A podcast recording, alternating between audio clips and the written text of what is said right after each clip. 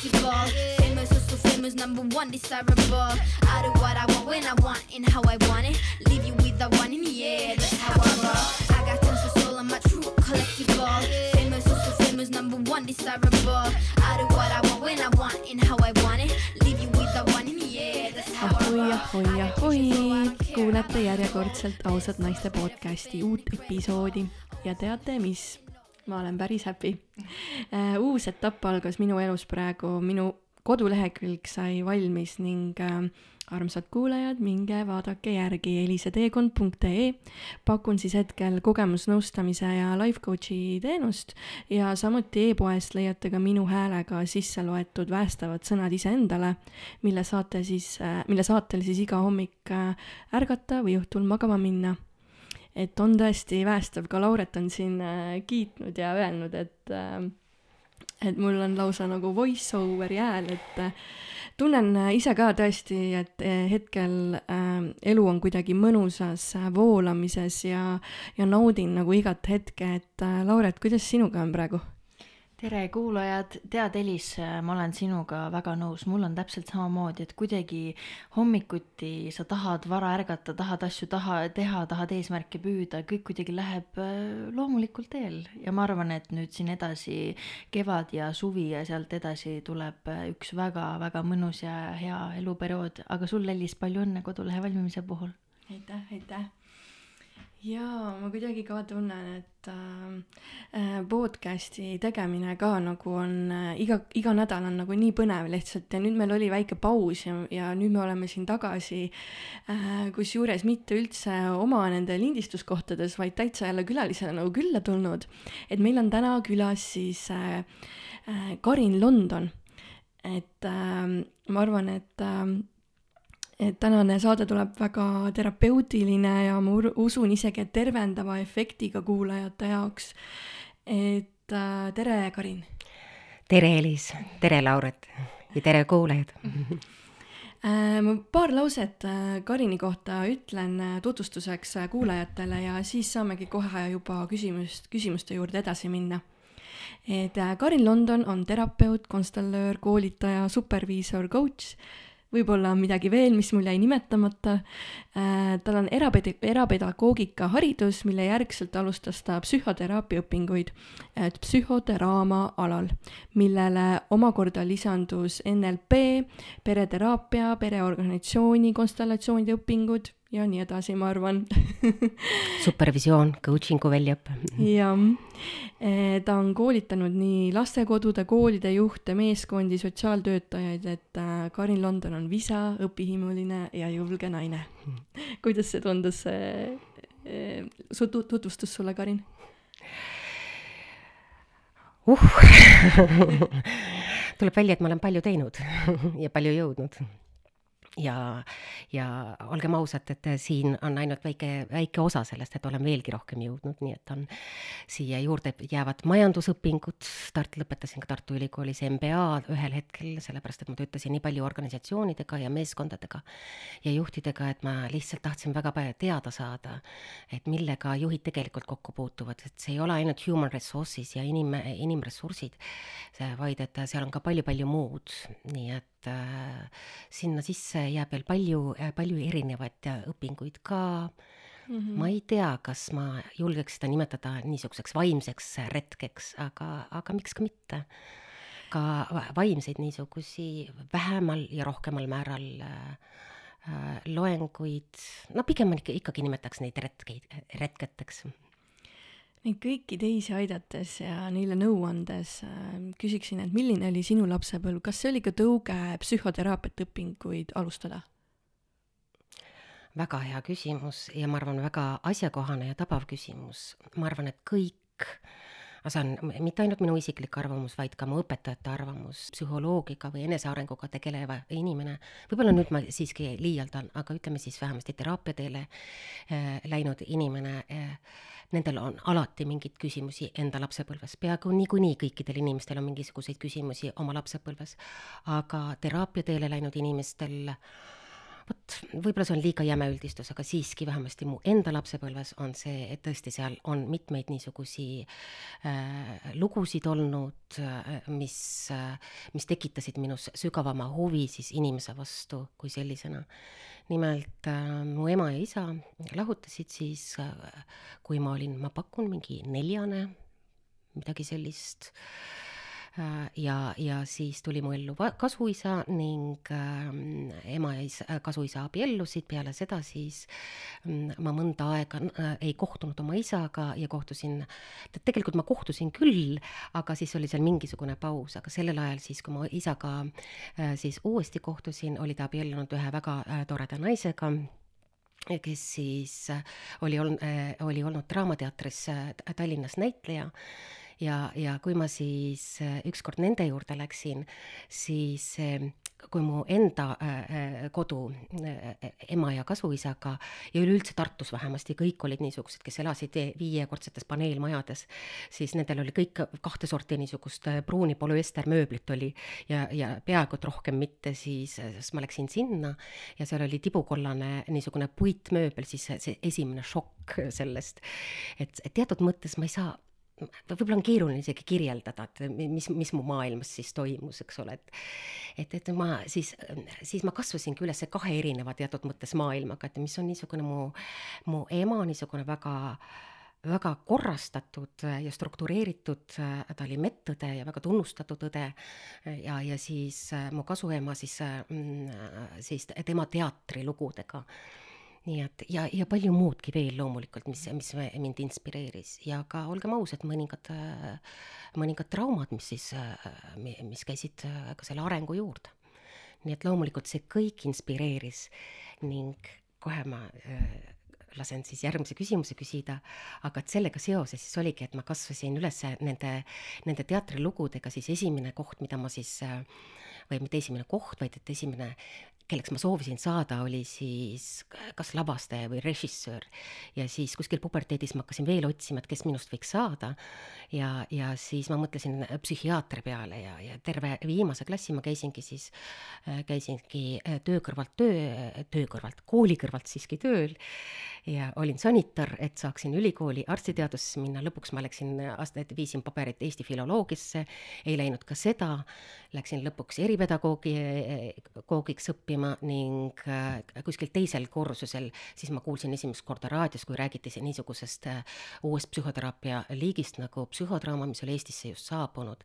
nii et lõpuks sai minust siis nii-öelda psühhodraama lavastaja, et ma sain mõlemaga tegeleda, nii, nii selle psühhi-, psüühikaga, psühholoogiaga kui ka lavastamisega meil kõik see on tegelikult küsimustes sees, nii et me üsna pea saame sinna juurde minna, aga ütle, kust sa üldse pärit oled?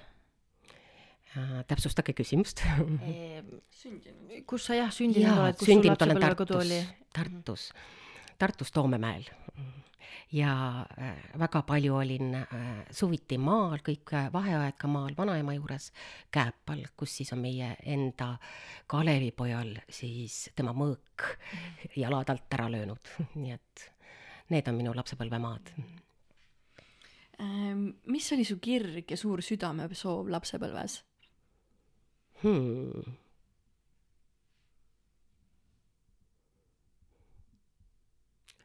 nagu kuulete, pikk vaikus ma ei tea, kas mul oli, ma, kas ma oskan sellele vastata, ma olin niisugune laps, kes oli, rändas, kuna ma olin vanaema juures palju, siis ma rändasin koertega väga palju, mul oli ähm, õde siis äh, äh, siis sündis, kui ma olin kümme pool aastat vana, nii et ma olin äh, ja, ja väga palju käisid tädipojad muidugi maal.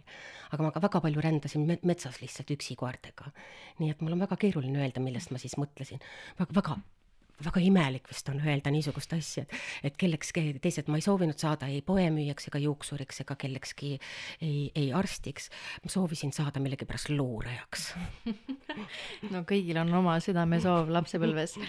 aga enne kui me lähme uue teema juurde, jaga meile, mida sina mäletad oma lapsepõlvest kõige eredamalt, võib-olla niisugune nagu mälestus, mis sul siiamaani veel nii-öelda kuklas meeles on hmm.? Mäletan oma äh, esimene pilt, see ei ole isegi esimene pilt, aga esimene mälestus, kui te niimoodi küsisite, oli, ma mäletan, kui ma olin kümneaastane muidugi ma mäletan palju varemalt, mul on tegelikult üsna hea mälu lapsepõlve peal, ma mäletan väga palju lapsepõlvest, aga tuli, et ma vaatasin, kui ilus mu ema on. et see oli esimene, noh, niisugune reaktsioon, mis mul tuli. aga esimene mälestus on, ma arvan, et mul on isegi kõne-eelsest ajast, kui aus olla. Et me, mu ema-isa elasid kuskil ühiselamus Tartus, et sellel ajal ei olnud veel, see korterite saamine oli väga keeruline ja ma olin haige. Ja, ja siis mind hoidis süles onu Kolja keegi, ilmselt kas kuskilt sealt kor-, koridori pealt või sealt ühiselamust. ja, ja siis äh, ma, ma tahtsin midagi öelda ja mul oli nii paha olla või ma tahtsin, noh, mul ei olnud sõnu selleks ajaks veel, et, et öelda, et mul on nii halb olla. ja ma mäletan ennast, et mul oli, et mul hästi tihti kõrvad valutasid ja, ja mäletan seda tunnet ja, ja ma mäletan seda pilti ja mäletan seda kööki sa ütlesid, et sinul olid mälestused äh, hästi noorest peast, enne kui sa suutsid rääkida, aga ma tean osasid inimesi, kes hakkavad mäletama võib-olla alates esimesest klassist, et võib-olla millest see nagu sõltub, et need inimesed seda perio-, neid perioode nagu nii erinevalt mäletavad? Ausatele naistele aus vastus on see, et ma ei tea väga hästi. et osadel inimestel on kindlasti, et oleneb sellest traumatisatsioonini mingisugusest astmest, kui on palju lapsepõlves toimunud, siis need inimesed, kes minu juures käivad, siis noh, üks põhjus kindlasti on see, et kui on olnud väga palju keerulisi üleelamisi, siis see nagu takistab, no mälu on üks kognitiivsete äh, võimete osa, et see on seda mälu blokeerinud, nii et äh, see, see võib olla üks põhjus aga lähme siis edasi üldse sinu enda kogemuste juurde ja teekonnast terapeudini, et äh, kuidas äh, kirjeldaksid sina, mis on üldse psühhodraama? see võib paljude inimeste jaoks olla nagu võõras äh, sõna, sest me oleme kuulnud psühhoteraapiat, on ju mm, -hmm. et võib-olla natuke kirjeldada seda lahti. no psühhodraama ütleme sõna siis otsetõlkes tähendab äh, psüühikategevuses või hingtegevuses ja psühhodrama on esimene grupiteraapia meetod üldse peale siis Freudi, kes töötas oma klientidega tête-à-tête ehk siis otse oma rikaste juudi prouadega, ütleme siis Freud selle sajandi alguses ja siis psühhodraama algus, mõlemad on nad, olid, psühhodraama looja on Jakob Levi Moreno ja mõlemad olid Viini psühhiaatrid. Nii et, et siis Jakob Levi Moreno hakkas töötama erinevate gruppidega ka prostituudigruppidega, mida iganes, hakkas tänavatel tööle. Äh, äh, meie tänapäeva keeles siis, äh, siis asendus, tänapäeva keeles asenduskodu ehk lastekodu gruppidega, tüdrukute kodugruppidega ja nii edasi ja nii edasi, nii et, et sealt tuli tal niisugune gruppidega tööd, et kui palju mõjutavad tegelikult see suhe nüüd ja praegu mõjutab meie niisugust olemist et see on lühidalt öeldes psühhodraama, aga nüüd on ka oluline, et seda on väga keeruline kirjeldada, sest toimub läbi niisuguste lavastuslike võtete, ehk siis kui ma tahan uurida midagi, mis minuga toimub praegu või mingisugust takistust või probleemi, Äh, siis võib-olla ka lapsepõlve oma, siis me väga tihti liigume tagasi lapsepõlve, kus see alguse sai. töö äh,, mängime teatud mõttes selle uuesti läbi rollivahetuste kaudu, kuna see on grupiteraapia meetod, siis valime kellegi grupist nendesse rollidesse ja siis, aga see on oluline, et see on ikkagi terapeutiline. mitte alati ta ei pea, see võib olla ka koolituse võte, on, on psühhodraama niisugused rollimänguvõtted, mis on sealt kindlasti pärit. aga ta on, äh, ta võib olla väga-väga sügav psühhoteraapia ja nüüd on ka oluline, et ta ei oleks lihtsalt rolli mängimine, vaid see oleks sügavalt rollis olemine, et see on nii, nii erineval astmel võib ka seda psühhodraamat teha. et kui on sügavalt rollis olemist, inimene kogeb teise rollis, näiteks kui ma kogen oma ema, ma lähen oma ema meele sisse nii-öelda ja muutun teatud mõttes temaks, siis midagi juhtub ka minu enda meelega, et mu enda meel noh, nii palju laieneb või ma lähen kellegi teise nii-öelda sisse sügavalt, siis ka minu enda meele või minu enda psüühika piirid laienevad selle tõttu. selle tõttu ta on võib-olla väga, ütleme, katartiline, kat-, jah, kas ma ütlesin õige sõna, vist ilmselt ütlesin, katartilise mõjuga kas äh, täna saab ka ülikoolis spetsialiseeruda psühhodraama valdkonda? ei, ülikool üldse ei õpeta niisuguseid praktilise mm -hmm. psühholoogia harusid mm. -hmm. ülikooli ülesanne on täiesti midagi muud, ülikooli mm -hmm. ülesanne on anda teoreetilisi teadmisi äh, psühholoogia alustaladest äh, ja ka kindlasti erinevatest psühhoteraapiatest, aga ülikooli ülesanne ei ole üldse mm, anda sedalaadi äh, väljaõpet. kus koolis sina omandasid selle? Mina psühhodraama ma õpetasin, oli ähm, Rootsi Moreno instituut ja meie õpetajaks oli väliseestlane Ruuda Pank vist esimesena. ja siis oli pa- üsna paralleelselt tuli Eestisse ka selline õpetaja Soomest nagu äh, Sirku Aidolehti, kes tänapäevani, muideks võib-olla paar päeva tagasi kolis Eestist ära, nii et ta elas väga-väga pikalt Eestis ja tema on mind ka äärmiselt, äärmiselt palju minu arengut ja minu ütleme siis ka hingearengu või terapeutilise arengu teed mõjutanud mitmel erineval ja väga sügaval viisil. nii et tema oli esimene, kes tegi mulle esimese psühhodraama töö sellest, kui ma olin kodus üksinda haige või kui tuli ema, mis siis ähm, ühesõnaga, see on pikk lugu, seda on, see on üsna kuulus niisugune muti, mutijoonu lugu, mida siis, see oli ka Sirku esimene Eesti töö. kas sa oled eh, muidu ise ka kunagi olnud mõne terapeudi või coach'i käel, mitte siis, et kes on sind koolitanud, et sa saaksid ise teha sama asja, vaid just selleks, et ise ka abi ja nõu saada, et jaga võib-olla seda kogemust? absoluutselt. et äh, selleks, et üldse terap- äh, te,, terapeudina areneda, me peame vaatama kuskil eelmistes saadetes, mida te mulle saatsite, siis ma kuulasin, kus keegi rääkis varjust.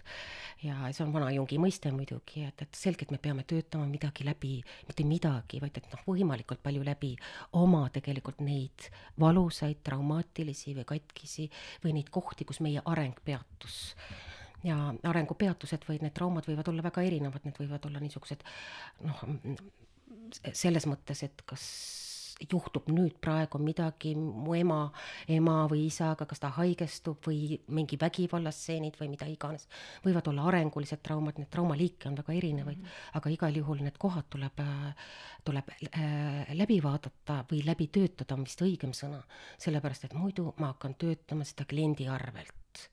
ja kui mul on pimedad laigud nii-öelda, siis ma hakkan tegema seda, täpselt kui ma ei näe seda kohta ja mu klient tuleb ja tihti nad tulevad sarnaste küsimustega sel juhul millegipärast, siis ma ei hakka tööd tegema kliendile mm, -hmm. vaid ma hakkan tööd tegema iseendale ja see on väga ohtlik ja ka väga ebaeetiline, sest raha ma võtan ju kliendi, kliendi käest mm. -hmm. ja loomulikult olen ma käinud, ma isegi mõnda aega tagasi võtsin äh, on ähm, nii Eestis kui ka mujal maailmas väga kuulus perekonstellöör ja pereterapeut ja psühhoterapeut Tiiu Poltsmann, kellel on eesti keeles ka raamat ilmunud, Perekondade varjatud saladused. nii et ma Tiiu käest võtsin mõned Zoomi sessioonid, nii et äh, mul on üsna-üsna hiljutine kogemus, et veel töötada, kuidas töötada iseendaga ja, ja siis vaadata veel seda viisi, kuidas Tiiu sellele vaatab või kuidas Tiiu töötab sellega aga kelle juurde sa kõige esimesena pöördusid, oli see siis äh, psühho, psühholoog või oli see, oligi see konstantlör? kas sa mõtled nüüd või äh,? ma mõtlengi just nagu kõige esimene, kus sa tundsid, et sa vajad abi, võib-olla see võiski olla juba väga teenager'i nagu eluetapil?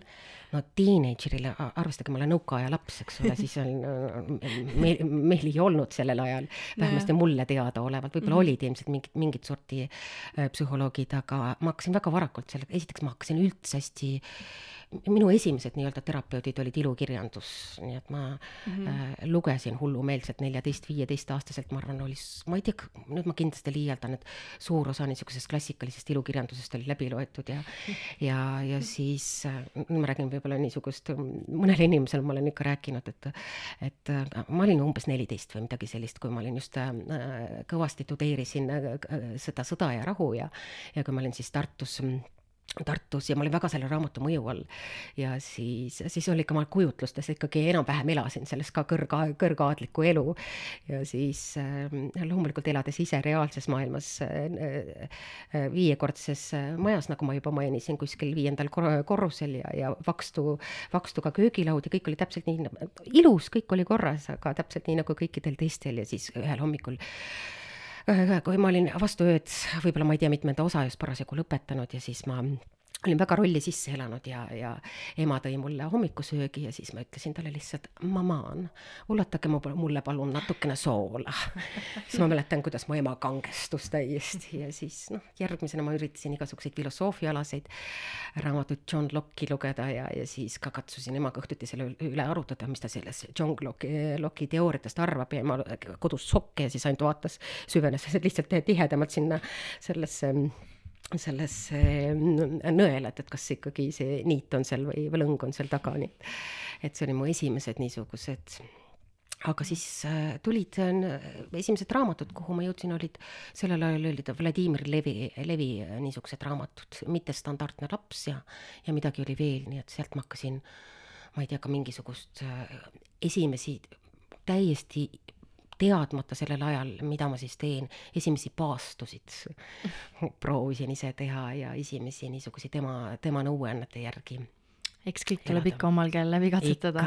aga nii palju, kui sa oled siin juba rääkinud, siis terapeudi töö ja teiste abistamine on sind ju terve elu huvitanud, et kas sa üldse näeksid ennast kunagi ka mingis teises positsioonis midagi muud tegema, tegemas nüüd just praegu ja edaspidi? vaata kui hea küsimus, see koht oli ära mõnda aega tagasi, sellepärast et meie usume, et kõik need abistaja ehk siis päästjaametid on süsteemsed ametid. nii nagu ma juba eelnevalt ütlesin, midagi on juhtunud meie süsteemis ja kui mul see, see või keegi jääb sealt süsteemist päästmata või keegi ei saanud kedagi päästa, siis ma teatud mõttes võtan selle asendava rolli ja hakkan päästma nüüd ja praegu kedagi. ja teatud mõttes, kui ma olin äh, ma olin ära käinud oma erinevad terapeutilised ähm, ütleme siis ka retked ja siis ühel hetkel ja kui ma olin piisavalt käinud siis järgmises kohas, millest ilmselt tuleb ka juttu, on konstellatsioonides, siis ühel hetkel ma mõtlesin, nüüd ma teeksin küll midagi muud. aga mida ma võiksin teha? Ja siis ma pikalt, äh, ma ei tea, kui pikalt, aga mõnda aega otsisin, kas ma võiksin teha veel ka midagi muud ja siis ma sain aru, et seda ma siiski ilmselt tahan ja oskan, aga nüüd ma võin seda teha juba vabast tahtest. Mm.. mitte seda, et ma olen süsteemselt seotud oma päästmisega või kellegi teise päästmisega. kas sa tänasel päeval oled pigem ähm, fokusseeritud üks-ühele nõustamistele või pigem nagu gruppidele koolitad, noh praegu muidugi on koroona, et äh, koroona on ka kindlasti nagu mõjutanud.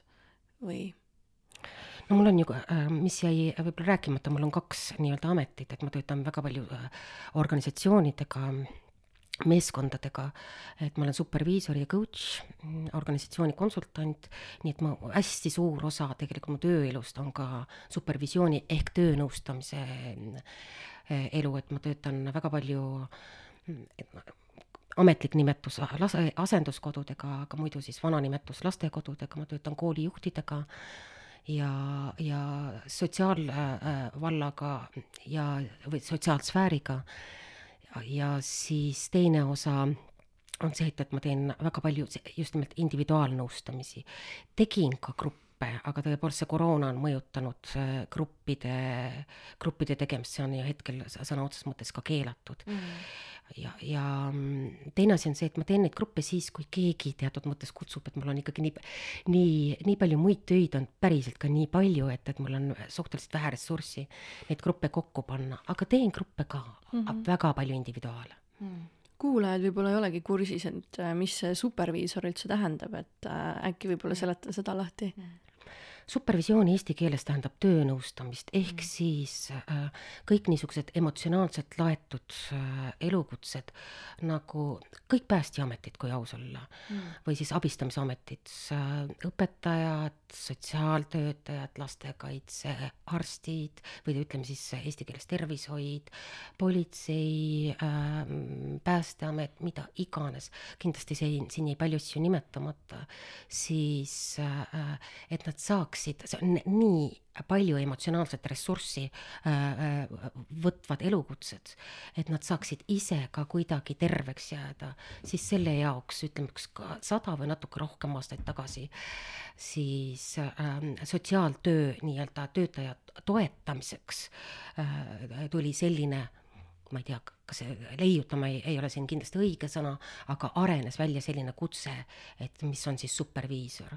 superviisor siis toetab selliseid inimesi, kes töötavad omakorda inimestega, kellelt võtab see väga palju ressurssi ja energiat. ehk siis äh, superviisori tehnikaid kasutad nii-öelda coach'i, tähendab, vabandust äh,, siis organisatsiooni töös pigem. just, just mm. -hmm. ja käib ka individuaalses supervisioonis inimesi. ahah mm,, muidugi. väga põnev. Mm ja, ja nad tulevad oma tööalaste küsimustega, ma näiteks superviseerin Töötukassa inimesi, nii et juba mitmeid aastaid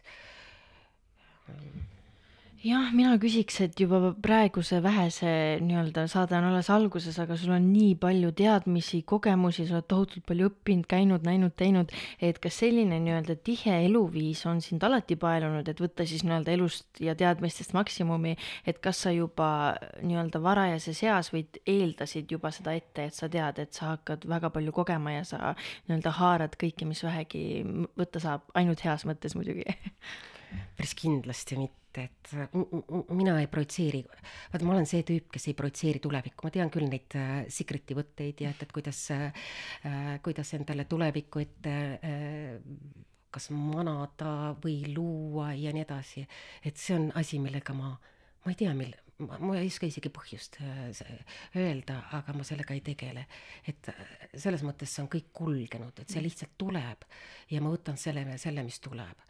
ja ma väga vähe tegelen tuleviku planeerimisega mm, sa oledki õppinud äh, NLP-d ehk siis neurolingvistilist programmeerimist, et oled sellest, ma, ma olen nagu sellest Äh, palju head tegelikult kuulnud. Ja olen hakanud nagu huvituma, et võib-olla isegi tulevikus tahaks äh, minna õppima seda. et äh, mis on selle põhiolemus sinu jaoks ja milliste klientide puhul sa seda kasutad mm.? no neuro tähendab äh, mõttemustrit, lingvistika tähendab äh, keelemustrit ja programmeerimine, see tähendab tuleviku mudeldamist. nii et ma kasutasin neuro, ma praegust kasutan seda oluliselt vähem äh, kui varematel aegadel, aga kui ma koolitasin rohkem ja ma koolitasin mingisugustel aastatel väga-väga palju Äh, siis ma kasutasin see koolitamisel just nimelt hästi palju, seal räägitakse just nimelt nendest vakkidest ehk siis visuaalne, auditiivne, äh, kinesteetiline, et, et kuidas inimesed erinevad täiesti oma sellelt, millist, millist äh, seda tajukanalit nad kõige rohkem eelistavad kasutada. ma kasutasin seda uskumuste teemat väga palju, seal oli mitmeid veel, millega mul praegust nii, nii suurt sidet ei ole. Et äh, koolitamise maailmas ma kasutasin seda rohkem, aga mul on väga head kolleegid Pärnust, kes kasutavad seda siiani äh, väga edukalt erinevates eluvaldkondades. Äh, vot hetkel ma selle teemaga väga sina peal ei ole, ehkki coaching us muideks, kui on vaja selgelt coach ida, siis seda mõtteviisi kasutan ma siiani. Hmm kas sa kasutad äh, iga kliendi peal niimoodi intuitiivselt äh, vastavat tehnikat? jaa, see on küll nii, et seda intuitsiooni ja seda ma, see on üks töövahend, et see on nagu nii-öelda nagu jahikoer sul ees minu arust on see asi väga nii-öelda usaldust tekitav, et, et see, et kui sinu juurde tuleb klient, siis mitte sa ei kasuta seda ühte, ei raiu seda nii-öelda ühtne tehnikat, mida sina oled õppinud ja proovid selle mm. järgi nii-öelda kõike panna toimima, vaid sa tunnetadki selle järgi, mida sellel inimesel vaja on, et minu arust on see väga lahe ja väga tänuväärne. absoluutselt ja sealjuures ikkagi ma olen ju, ma saan äh, nii-öelda toimetada oma piiratuse mm., piiratuse raamides vastavalt nii palju, kui ma olen õppinud või kogenud või millesse ma ise usun ka, et kindlasti ma olen õppinud ja kogenud rohkem, aga võib-olla sa on ka mingisuguseid asju, mida võib-olla päris kindlasti, millesse mul endal usku ei ole, siis mm, -hmm. siis äh, ne, neid ma ei kasuta. aga tõepoolest, et äh, eriti konstellatsioonides ma õppisin sellist mõistet nagu terapeudi tühi kese.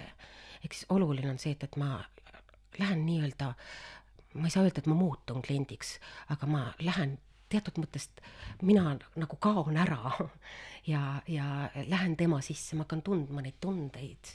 ma võib-olla isegi näen teatud mõttes neid pilte ja, ja, ja siis, aga ikkagi mul on peaaegu alati mingisugune ratsionaalne raamistik ka, et, et ma ei ole see, et, et ma te, töötan, ahah, et see tunne on ainult, aga tunne koos selle mõtlemisega, et ahah, kui mul tekib selline tunne koos selle inimesega olles, mis oleks hea talle nüüd praegust siis teha?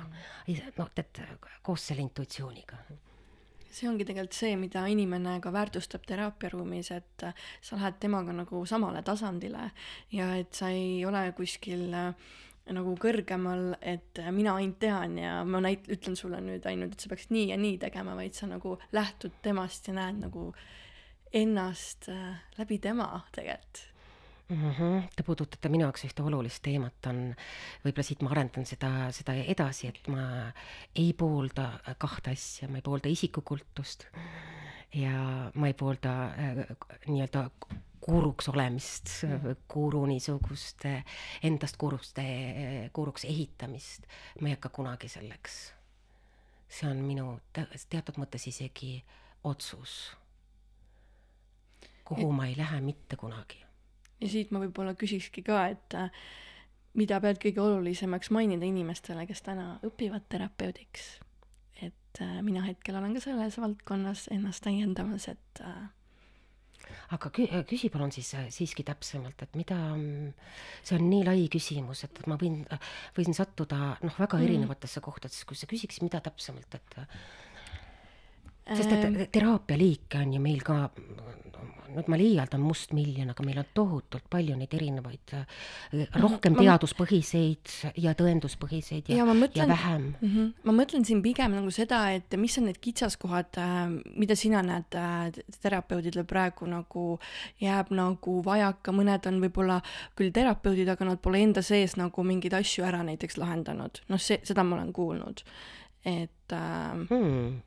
Et, et siis nagu ikkagi aitavad inimesed, kas, kui jätkusuutlik see on näiteks ja jah, ma võib-olla lisaks juurde Mm. et ma tahakski ka teada, et mis on võib-olla need suurimad vead, mida nii-öelda noored või siis inimesed teevadki, kui nad just nagu õpivad terapeudiks, et võib-olla neile siis mingid nii-öelda soovitused, et mida kindlasti kaasa võtta, kui sa seda teekonda nagu alustad.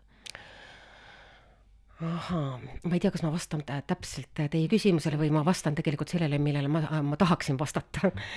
nii et äh, minu jaoks on hästi oluline äh, see, et kes töötab tõesti inimese psüühikaga ja igal juhul ta sel juhul satub väga keerulisse, psüühika on nii keeruline ja inimese hing on nii keeruline, et äh, meil on palju selliseid väljaõppeid, mis, mis ei eelda tegelikult psüühika või psühholoogia aluste üldse tundmist või ei tund- või ei eelda või ei nõua tegelikult patoloogia või isiksushäirete, et ei pea üldse aru saama, mis on isiksushäire, mis on psüühikahäire, mis on te tegelikult, mida tähendab depressioon või mis on selle all või mis on ärevushäire, et nad, nad ei tunne tegelikult selle kliinilisi tagamaid.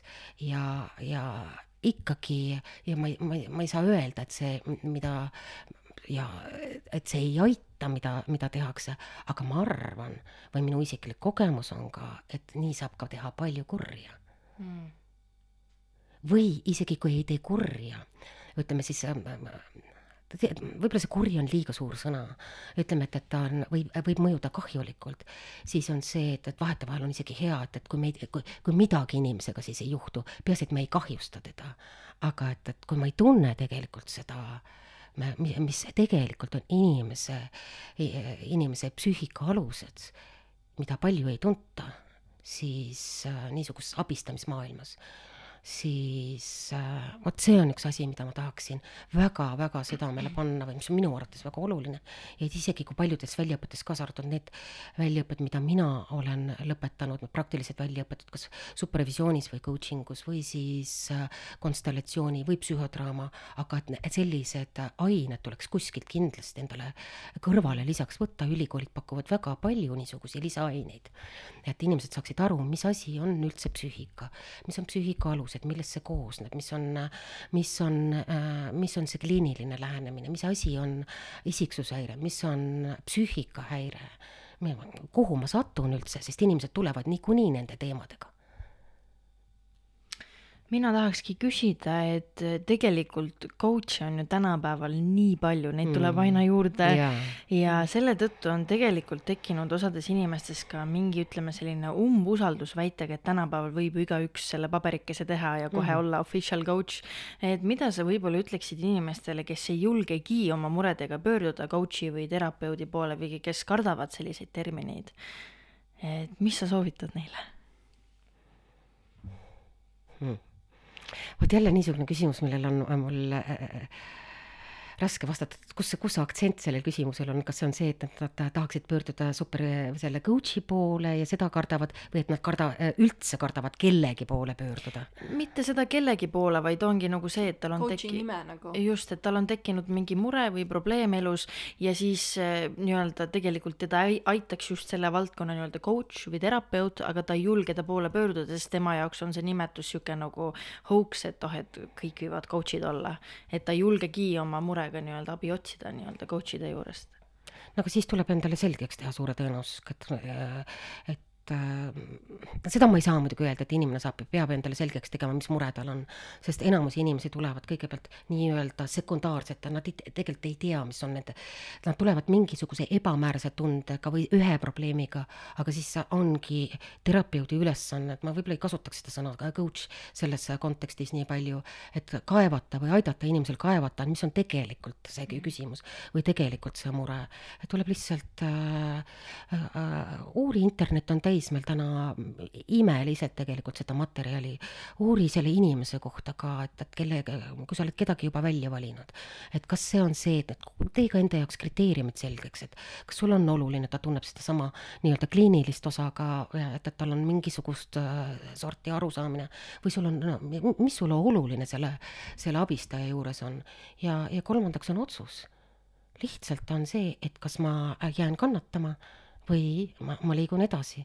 ehk siis e, e, mu NLP õpetajad kunagi ütlesid küll, et siin on kaks võimalust elus, kas nutad ja elad või lihtsalt elad. okei okay,, väga vinge ähm,.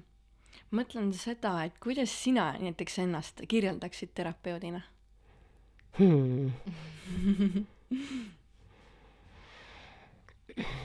küll ma oleks hea olnud, kui mõned küsimused oleks mulle varem teada olnud kas sobiks nii, et ma ütleks, kuidas mu kliendid on mind kirjeldanud? jaa, muidugi, absoluutselt. et äh, muidugi ma võin öelda seda, et kuidas ma, see, see võtaks natukene, võib-olla ma peaksin siis otsima, see lihtsalt selles mõttes võtab aega, et, et ma peaksin otsima kriteeriumeid, mille järgi ma hakkaksin ennast kirjeldama. et ma lihtsalt päris niimoodi lambist äh, võib-olla siis ei peagi nii sügavuti minema, aga ütleme, et kui kellegi käest küsida, kes on sinu juures käinud mm, -hmm. lihtne küsimus, et kuidas sa Karinit kirjeldaksid, siis mis oleks võib-olla sinu arust esimene lause, mida ta sinu kohta ütleks, et nii süvitsi ei peagi nagu minema sellega? no vot, aga siis nad ütlevadki, et ma lähen süvitsi ah. et ma kaevan lõputult või selles mõttes, et kas nüüd lõputult, aga et ma olen niisugune kaevaja.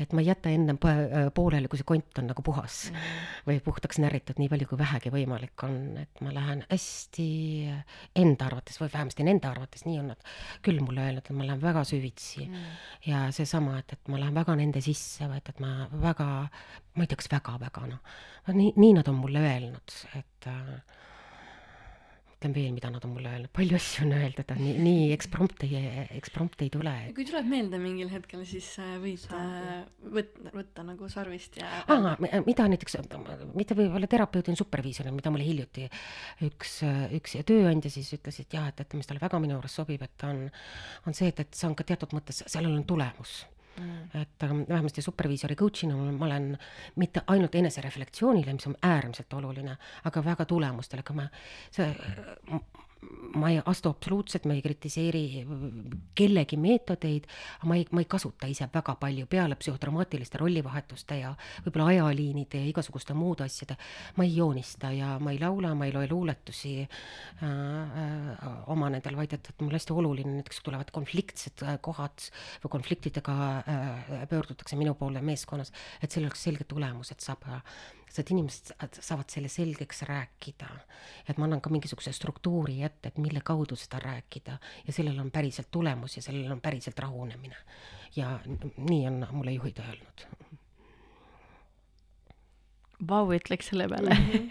-hmm kas see on kohustuslik reaktsioon või? ei, see ei ole, see on, mis minu jaoks ongi jah see, et kui me enne rääkisime sellest teemast, et, et tänapäeval igaüks võib coach olla, siis tegelikult ma ei arva, et see on otseselt midagi mm -hmm. halvustavat, tegelikult meil kõigil on midagi jagada ja sa kunagi ei tea, kes võib kedagi nagu mm -hmm. aidata, aga võib-olla jah, see süvitsi minek ongi see, mis on nagu puudu, et keegi räägib sulle mure ära, siis ütled, okei okay,, noh, tee seda, asi on lahendatud, aga just see, et kust see on tulnud, miks see on tulnud, mis me teeme, et seda lahendada, et see on äge, see on väga vinge ja seda on väga lahe nagu nagu kuulata.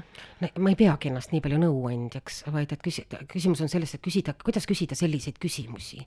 et pigem on küsimuste küsimuses, on äh, küsimises, on palju suurem võti ja sealt juba tuleb katarsis vahetevahel et see on täitsa terapeutiline mõiste, ehk tuleb see uus ahaa-elamus.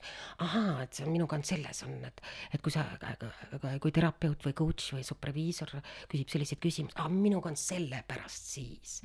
et, et ühte näidet, see on küll supervisiooni näide, aga on see seotud isikliku näitega ka, et, et ükskord käis minu juures ähm, ma olen ka õppe, õppesuperviisor olnud nendele äh, supervisiooni ja coach'i tudengitel, kes õpivad siis ise seda elukutset. ja, ja see oli küll mõned aastad tagasi, siis tuli üks, üks õpilane ja, ja siis tema teema oli see, et, et ta, et ta praktiseerib just seda supervisiooni äh, gruppides ja, ja ta jääb kinni selle koha peale, et kui äh,, kui kuidas saada kätte nii nii-öelda need sügavamad eesmärgid grupi käest. ja ta võtab alati need esimesed eesmärgid, et inimesed ütlevad, aa, ma soovin seda, seda, seda või grupp ütleb, et äh, järgmist asja, siis ta hakkab kohe sellega tööle. aga, aga kuidas sa kaevad nendest eesmärkidest, siis me töötame ainult sekundaarse, sekundaarsel tasandil. et me saaksime primaarsele või sellele sügavamale tasandile, siis me peame hakkama sõna otseses mõttes sedasama sõna nüüd, kui juba võib-olla kuritarvitades kaevama. ja, ja lõpuks oli enne ma ka, kuna see oli supervisiooni protsess, siis ma mõtlesin, et ma ei lähe sinna isiklikku süsteemi. aga lõpuks ma ei suutnud ennast kuidagi äh, nii-öelda äh, tagasi hoida ja vastu pidada ja küsisin, et äh, sellise küsimuse, mis on puhtalt niisugune paradoksaalne ja, ja konstellatsiooni küsimus, et aga kes sinu süsteemis, isiklikus süsteemis on ähm, esitanud endale suuri eesmärke, aga pole seda saavutanud siis ta mõtles hetke ja äkitselt, äkitselt tal läksid tõesti silmad ülisuureks, umbes teate küll seda vana klišeed nendest kalamehest ja, ja, ja, ja tema nendest ähm, kalasilmadest. et vaat ma püüdsin nii suure kala, aga umbes sellised need silmad olid, ütles, et aga tead, Karin, et tõepoolest, et minu süsteemis oli selline lugu et äh, minu isast oleks äärepealt saanud päriselt ka, see ei ole lugu, vaid päriselt ka Eesti võib-olla esimene kosmonaut. ja ta äh, õppis Leningradis äh, äh, instituudis ja, ja siis äh, temast ei saanud kosmonauti, mis te arvate, millisel põhjusel? või te olete liiga noored, et äh, seda põhjuseid ära aimata, et see puudutab lihtsalt seda nõukogude aega. ei, Siberi küüditamine. no läheb sinnakanti, aga mitte päris tegelikult. et ta isal puudus parteipilet, aga miks tal puudus parteipilet, oli see, et ta isa oli olnud metsavend mm. metsades ja lojaalsus ei lubanud saada parteipiletit ja nii ta ei saa saanud ka oma tohutult suurt eesmärki. ja niimoodi me oleme seotud oma nende lugudega. nii et vahetevahel ka, et need tööalased takistused, mis inimesed tulevad, siis tegelikult mitmed takistused peituvad siiski meie isiklikes süsteemides et noh, see näitabki vaata, kui oluline on tegelikult vaadata natukene nagu, kes sul selja taga on tegutsenud äh, oma perekonnasüsteemi ja üldse üldse jah, sellesse süsteemi sisse minna, et ma ise ka nagu tegin hiljuti oma mõlema isa-ema nagu genogrammid ära ja, ja sain ka nii ühte-teist teada, et äh, see on päris põnev maailm, kui sinna süvitsi sisse minna, et. mis asi on genogramm? Äh, võib-olla äh, meie külaline oskab veel paremini seletada. seleta sina natukene, siis ma aitan mm. -hmm. see on tähistatud äh, Äh, nii, ühesõnaga, kuidas seda kõige paremini niimoodi nüüd seletada siin, et äh, naine on ring ja mees on ruut ja siis sa. Need on sümbolid. Need on sümb-, just sümbolitega tähistad ära oma kogu suguvõsa erinevad, seal on li-, kuidas liinid, et kui on lahutus, siis on veel üks mingi kriips ja nii edasi. sa nii äh, kirjeldad praegu seda metoodiliselt ehk, aga, aga genogramm on tegelikult, on meie perekaart sisuliselt, eks ja. ole. et äh, kuidas keegi on kellegiga seotud ja selle, äh, kui me teeme mitme põlve genogrammi, siis selle kaudu me saame väga hästi otsida üles tegelikult mustreid. Mm. Nii et, et kui on näiteks äh, ühes, äh, ühes põlves, no vot tead, et mu ema-isa on lahutatud, siis või, või on ka mingid sõltuvuse teemad, eks ole, et siis on ahah, et, et ühel vanematest oli juba see siis, et kas see tuleb kuskilt juba põlvest põlve tagasi, et sealt saab kaasa arvatud, see on omavaheliste suhete uurimiseks, millised on need omavahelised suhted selles mõttes, et millised on meie piirid, kas me oleme seotud, kas me oleme, see on nüüd pereteraapia keel, kas, kas me oleme üle seotud, alaseotud või, või millised on meie need sidemed, mustrid ja nii edasi. nii et see on väga hea pilt ja väga äh, valgustav pilt tegelikult, et näha, mid-, millega me selja taga üldse oleme seotud jah, ma läksin ka oma nii-öelda vanaema ja ema, isa juurde ja siis nad ka ütlesid mulle, et Elis, väga tubli, et sa seda teed, mitte keegi meie suguvõsast ei ole nagu sellist asja teinud ja nagu sain nagu kiitust, et et, et see on ikkagi väga oluline, nende jaoks ka tegelikult põnev ja ma saatsin mõlemad need ka emale nagu meili teel edasi, edasi ja siis ta nagu noh, ütle, saatis ka vastu, et äh, et väga huvitav, vaata. jaa, aga mis ta avastas siis? ja mida teie avastasite uh,? Noh, ta ainult pani hinnangut natukene, ta nagu ütles, et, äh, et noh, et meil on need karmid naised ja mehed on mökud, vaata, et mingi sihuke, sihuke nagu üld, üldistus tuli sealt, mis mul, mulle no. muidugi see väga nagu ei meeldinud. No jaa, aga see on väga palju ka Eesti stereot-, üks stereotüüpe, noh, mis on ka üks osa meie lugudest, arhailistest lugudest, mis on pärit, päris lood. mehed ju läksidki sõtta või olid tööl ja, ja naised olid kodus, no eriti sõjaaegne, sõjaaegne periood ja, ja meil on ju mitu sõda läbi käinud, et selles mõttes seal on, sellel kujunemislool on omad põhjused, miks, miks see, miks selline noh, mitte väga nagu hästi kõlav pealkiri on välja kujunenud, aga selle taga on tegelikult kõik selleks, et ellu jääda mm. -hmm. see oli ainus viis, kuidas, kuidas sai ellu jääda me sinna konstellatsiooni teemasse veel äh, lähme äh,. ma veel küsiks sellist asja, et äh, mida soovitad praegusel keerulisel ajal inimestele, kellel puudub finants, et minna üldse teraapiasse, et aga tegelikult väga nagu suur soov on ennast aidata, et kust alustada? no tera-, äh, selles mõttes, et äh, et kuidas ilma rahata teraapiasse minna, selle, seda ma soovitada ja sellele mul nõuandeid ei ole, sellest terapeutiline protsess vähemal või rohkemal, pigem rohkemal määral, see maksab üsna palju. nii siin kui ka mujal maailmas, esiteks väljaõpped on meeletult kallid ja selleks, et terapeut ise oleks äh, nii-öelda tasemel, peab ta ise äh, ka olema ka oma protsesse vahepeal, vahepeal uuesti läbima, konverentse, konverentsidel osalema ja nii edasi ja nii edasi, nii et see protsess juba ise on küllalt äh, selle tõttu kallis. aga on ju tohutult teisi võimalusi, kaasa arvatud teie praegust, te teete selliseid saateid, nagu te teete, selliseid podcast'e, terapeutilisi, rohkem ja vähem on niivõrd palju. materjali on internet täis, raamatuid on tohutult palju, lihtsalt küsimus on see, et mille poole pöörduda ähm, ja millise raamatu, et, et mis on see minu huvikoht ja, ja, ja ka enda abistamiseks, eneseabistamisgrupp õppe on, äh, on, ma arvan. ja tegelikult palju... mulle meenub, et on, äh, et kogemusnõustajad teevad ka tasuta info, telefoni mingi liinid on olemas, et äh, tuleb lihtsalt minu arust uurida ja, ja olla avatud. tuleb uurida ja olla avatud. lihtsalt küsimus, kas, kas ma tahan midagi teha või ma ei taha midagi teha. ja tegelikult tuleb usaldada ka seda, et, et mis informatsioon sinuni jõuab, et millega sa resoneerud, et kui see, millega sa resoneerud, siis see võibki sind tegelikult aidata jah. Aga jah, see oli hea, mis sa ütlesid, et ähm, mul läks lõng nüüd katki mm.. lihtsalt, lihtsalt sekundi pealt kadus lõng ära. okei ma tulen, tulen, tulen tagasi, kui meelde tuleb.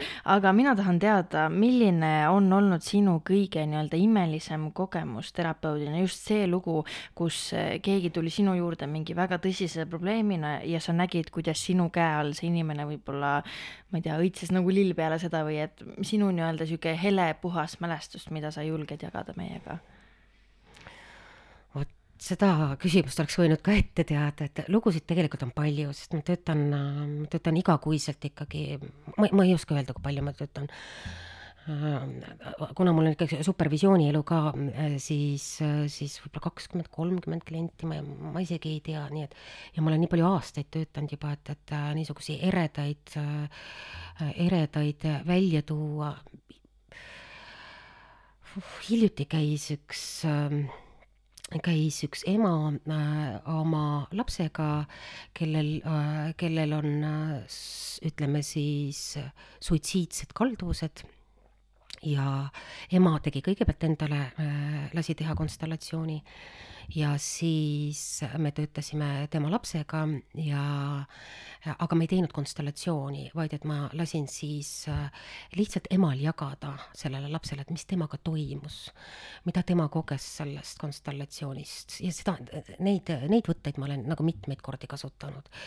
ja, ja ja siis äh, seda nii-öelda omavahelist dialoogi teha, et mida nad üksteiselt võib-olla rohkem soovivad, rohkem liikusime selle mustrite peale ja juhtus midagi niisugust, mille kohta mina ei oska ka seletada, kuna ma olen ju, ma üsna palju reklaamin ennast selles mõttes, et ma ei ole väga energeetiline töötaja, aga muidugi ma ei saa eitada, et selline maailm on olemas, aga mõjus see hoopiski äh, suhteliselt müstilisel viisil kodus olevatele lastele. nii et ma ei tahaks seda väga palju avaldada, mis seal nendega juhtus, aga tead, me töötasime äh, töötasime siis selle ema ja siis selle isa nii-öelda suguvõsa välja jäetud liikmetega ja seal juhtus midagi niisugust, millest ma ei saa praegu seda väga avaldada, et aga see oli väga kummaline muutumine. aga midagi positiivset siis? jaa, väga midagi positiivset. et see, äh, see laps, kes äh, ei teadnud sellest, et selle looga töötati, muutus teatud mõttes nagu selleks, selleks vanemaks ja on igasuguseid muid lugusid, on, on, ma väga palju nüüd hirmus noortega ei tööta, aga on, on käinud anoreksia tüdrukuid, tüdrukuid ja mõne tööga siis on, et läbi töötada nii need konstellatsiooni kui ka muudes terapeutilistes lähede, lähenemistes need traumad ja no väga kiired ja väga head tulemused on olnud oleks teadnud äh, seda küsimust ette, siis neid, neid lugusid on tõesti palju, lihtsalt et hetkel niimoodi, et millest, millest ma mm -hmm. nagu naksuga kinni haaran, siis hiljuti töötasin ühe India mehega, nii et äh, ei, see on hea, et sa küsimusi ette ei teadnud, see ongi mm. meie point, et hoida seda nii-öelda siira ja ausana, et tegelikult siis sa, siis sa ütledki neid mälestusi, mis sul esimesena meelde tulevad mm, -hmm. ehk siis need esimesed on kõige tähtsamad mõtted tavaliselt mm. -hmm olen töötanud, ma ei, ma ei arva, et, et ma olen mingi, ma ei ole mingi äh, ravitseja, aga on, olen töötanud ka mm, ja sügisel käis äh, mõned vähihaiged ja muidugi see ei, ma ei paranda, ma ei ole arst, ma ei paranda vähki, aga nad ütlevad selle tagajärjel, väga tihti nad ütlevad seda, et nende toetus, nende vanemate toetus tuleb tagasi, vanemad tulevad selja taha Nad tunnevad, et side vanematega paraneb ja kui midagi juhtub, see, et vanemad tulevad selja taha, siis enda vaimne tervis paraneb ka nii või teisiti.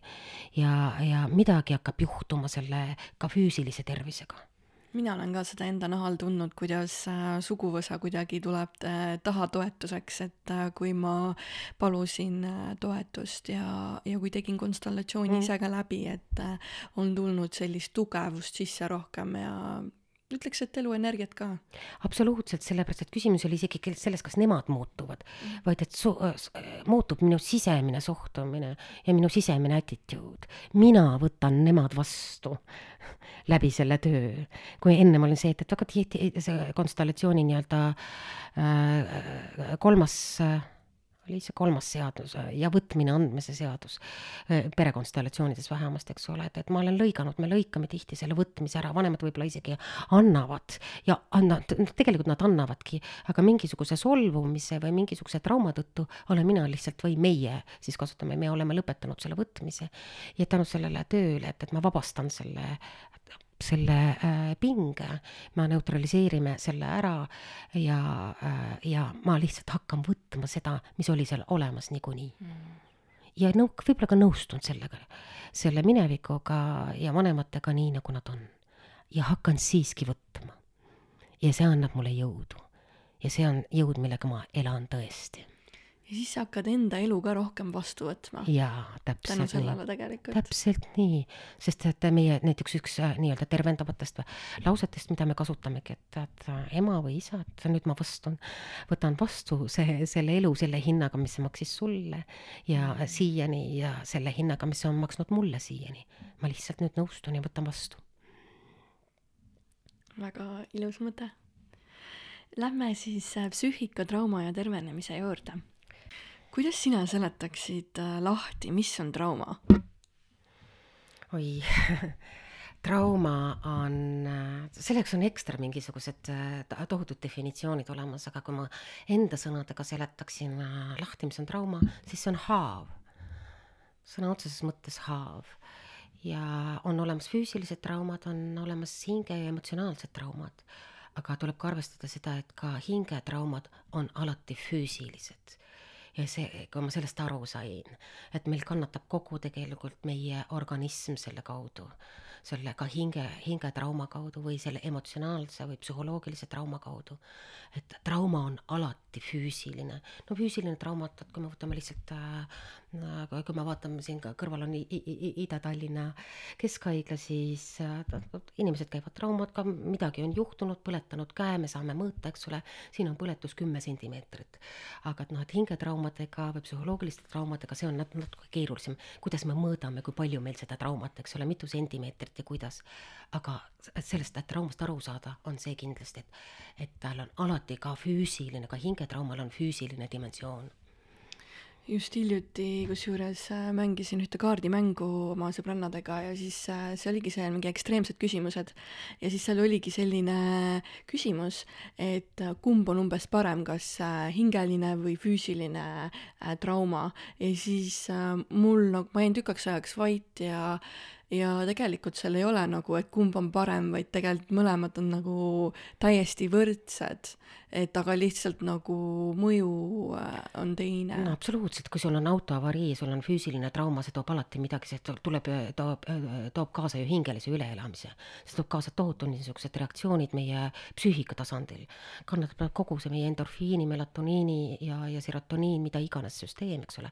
meie närvisüsteem kannatab selle läbi, see, ka selle füüsilise trauma kui meiega juhtub hingeline trauma, siis täpselt samamoodi hakkab meie kehaga midagi toimuma. nii et need on paralleelprotsessid.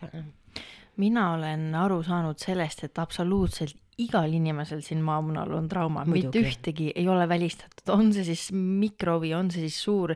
ja ma küsiski, et ähm, kas võib siis olla, kuna ta igal inimesel olemas on, et kas võib siis olla, et trauma on tegelikult millegipärast vajalik kogemus iga inimese elus hmm.. nagu vaata, kuidas defineerida et siis me satume sellesse minu jaoks äh, nii-öelda rohkem esoteerilisse maailma, eks ole, et, et kas on äh, kõik see, mida ma siin kogen elus, see on mulle õppimiseks ja nii edasi ja nii edasi, eks ole, et aga, aga on rasked ja, ja üleelamised, siis on õppida sellest üli, ülikeeruline. ja muidugi võib-olla me õpime sellest, et ja ma ei saa öelda ma ei tea, ma ei ole kindel, et ma, ma nõustun selle väitega, et see on teatud mõttes ma tean, et seda väidet palju kasutatakse. et minu jaoks on see võib-olla klišee, ma ei ole kindel, et meile on neid traumasid vaja mm.. et äh, võib ka elada ja, ja vaata, milline oskus oleks elada tegelikult sellisel viisil ah,. ma võib, võiksin ühe loo rääkida veel selle kohta, et mis mul praegust haakub, et aastaid tagasi käisin ühe oma kolleegi, mm, äh, kellega ma ka vahepeal palju koostööd tegin, äh, ka Kaupo on ta nimi ja, ja siis meie, äh, meie psühhodraama kolleegiga Jukka Kookaneniga käisime ja tema naisega käisime ema ja suu, suursoos kanuutamas. ja, ja siis ennem seda valmistasime ennast ette ja tegime süüa seal lõkke peal ja nii edasi ja siis hakkasime kuidagi arutlema ja mehed hakkasid arutlema eriti, et et kuule, et mis on õnn või et ähm, ei mitte mis on õnn, mis on ime. ja siis, äh, siis hakati sisse tooma, et et, et ime võib olla, kas ime võib olla see, et sa suudad äh, mõttega lusikaid paigutada või, või äkki ime on see, et, et päike tõuseb ja suudad sellest rõõmu tunda ja mida iganes. no niisugusi rohkem ja vähem niisugusi tõsiselt ja rohkem võetavaid niisugusi klišee moodi ja, ja päris asju. siis ma mäletan, kuidas Jukka lihtsalt keerutas seal selles meie pajas seda sööki, ütles oma soome niisuguse, ma ei oska soome keelt, aga siiski kuidas ta liigutas ja ütles, et ime. minu meelest kõige suurem ime on see, kui inimene suudab selle elu õnnelikult ära elada. ja see on see, mida ma päriselt usun. ja see ongi väga suur väljakutse, ma usun, kõikidele inimestele, sest kõik me otsime ju seda õnne. ja ma ei arva, et trauma on meile alati vajalik on alati, kindlasti on olemas arengulised traumad, mis käivad arengu juurde. tunnen ka just seda psühhoanalüütilist arenguteooriat, kus on, kus on, mis, mis lapsega juhtub, eks ole, null kuni seal kuus-seitse elukuud, mis edasi siis on see seitse elukuud kuni kolm eluaastat, kolm kuni kuus, kuus kuni kaksteist, kaksteist kuni täiskasvanud. et seal on omad arengulised kohad ja arengulised, ma ei tea, kas neid lausa traumaks nimetada jah, siit äh, järgmine küsimus olekski, et kuidas psüühika nii-öelda siis katki murtakse, et äkki kirjelda neid etappe ja neid, selle kujunemist?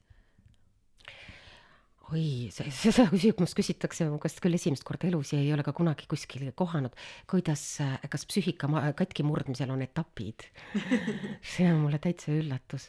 vahest on psüühika lihtsalt äh, murdub ja kõik ja, ja see on nüüd võib-olla, see on väga tuntud traumateooriast, ma ei räägi mitte midagi uut, et seal on lihtsalt traumareaktsioonid sellele. mõni tardub, sõna otseses mõttes tal kõik, esimene on see šokk, mis hakkab juhtuma.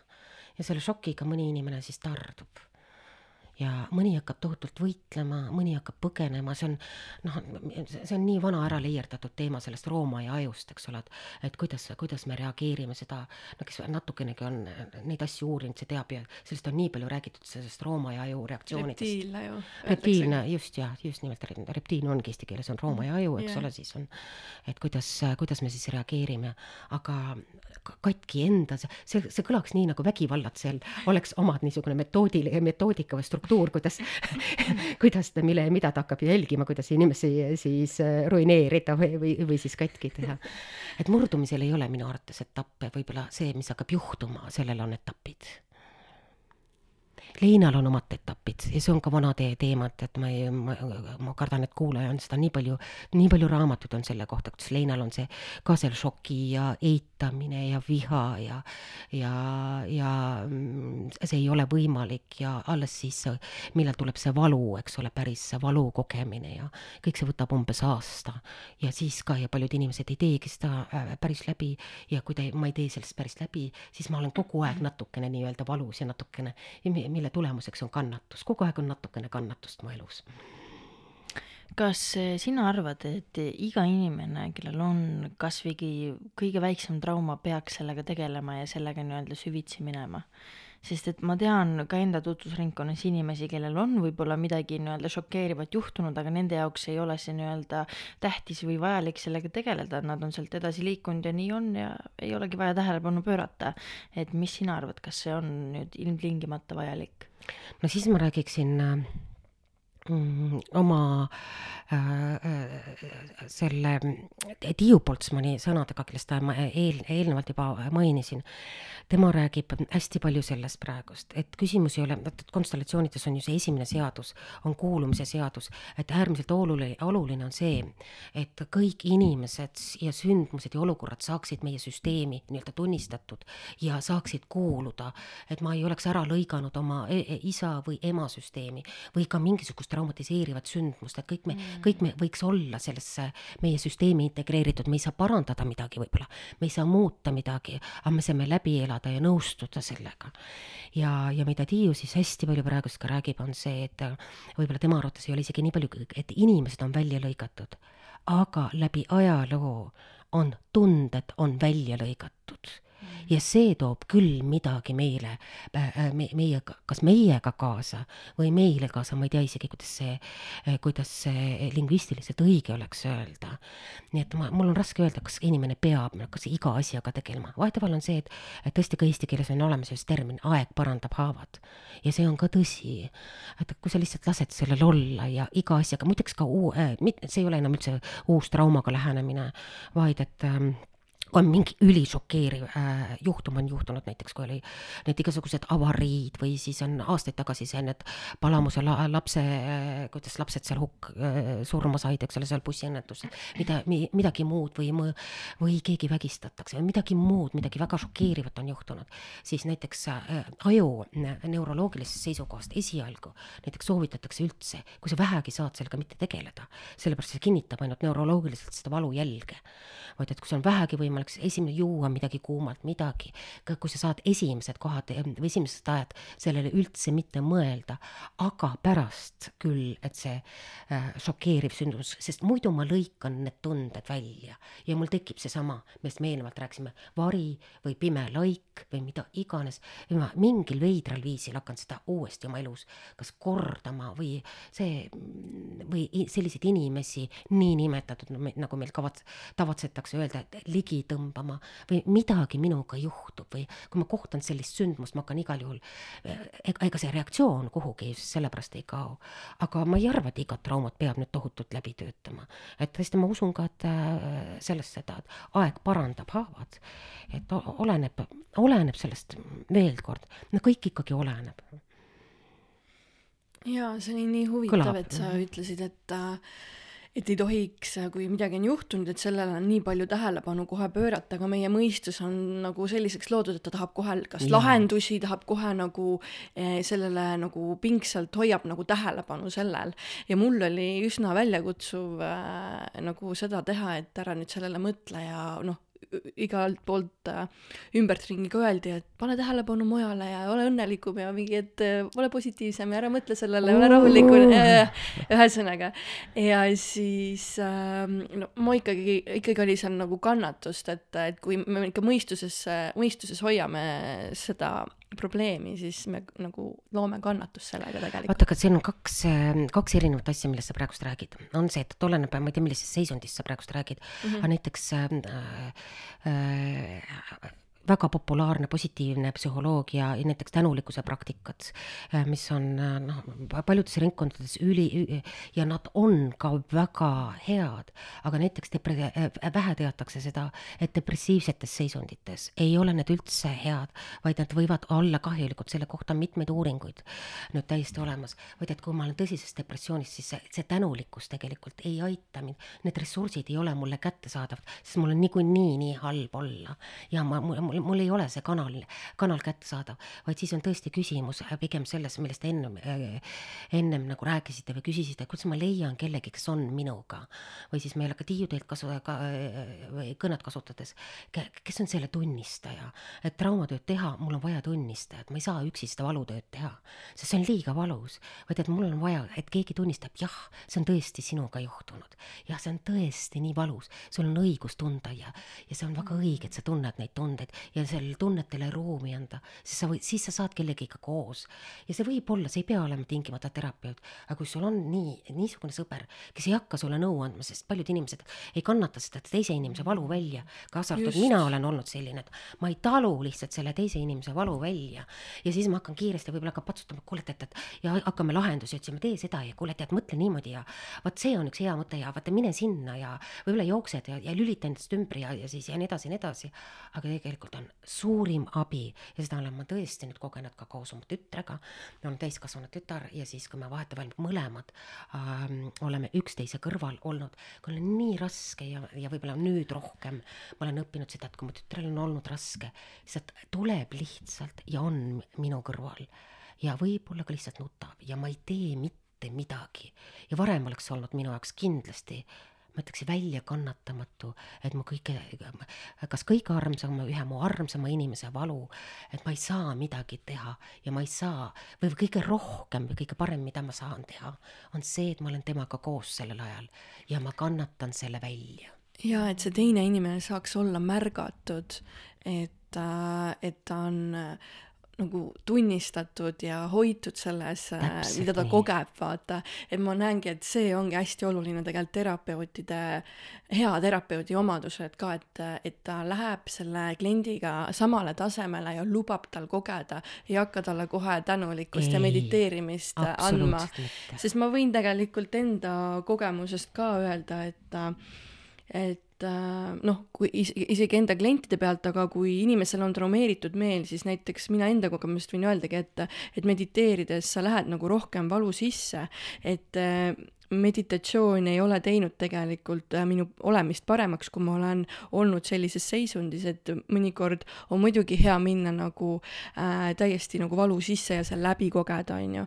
aga kui mul on näiteks harjumus olnud iga päev teha meditatsiooni ja mul on taga kuklas ikka nagu midagi nagu lahendamata ja ma lähen, teen iga päev seda meditatsiooni ja lõpuks lõpetan ikka pisaratega selle meditatsiooni, siis äh, see ei mõju kuidagi toetavalt ja, ja minu arvamus ongi nagu, et see eh, meditatsioon on mingitel teatud seisunditel toetav, aga, aga kui sul on ikkagi mingi sihuke trauma, traumeeriv kogemus taga, et siis ta nagu ei ole toetav, et mis sina arvad?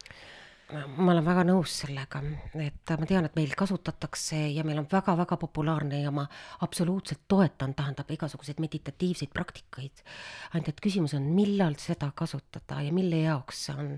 ma tean, minu arvates paljud inimesed kasutavad meditatiivseid praktikaid selleks, et valust eemalduda. aga see ei lahenda seda.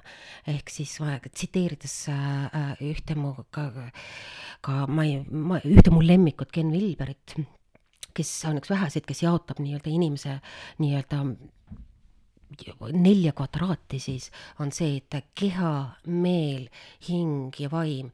Ehk meele me võime tegelikult, kas ma isegi ei tea, kas on täiesti õige võrdsustada seda, seda sõna, sõnaga psüühika, aga siiski, et minu arusaamine on küll see, et see, mis on tehtud katki psüühika tasandil, seda ei saa ravida, nii-öelda ravida vaimsel tasandil, vaimu tasandil.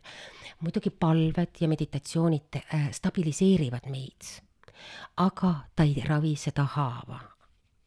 nii et ükski niisugustest rohkem ja vähem noh, nüüd ma kasutan sõna e, esoteerilistest, mitte et see, et ma sellest lugu ei pea, sellest maailmast väga pean, aga et, et mis eteerilistest praktikatest, noh, minu arusaamine on ikkagi see, et mis on psüühika tasandil katki te tehtud, tuleb ravida sel tasandil ehk psühhoteraapiaga see on äh, nii äge, et sa seda mainid, sest et mina läksin enda traumeerituid äh, äh, siis nii-öelda asju lahendama vaimsusesse, ma läksingi täitsa vaimsusesse ära, esoteerika maailma, aga meel oli mul ikka nagu kurb.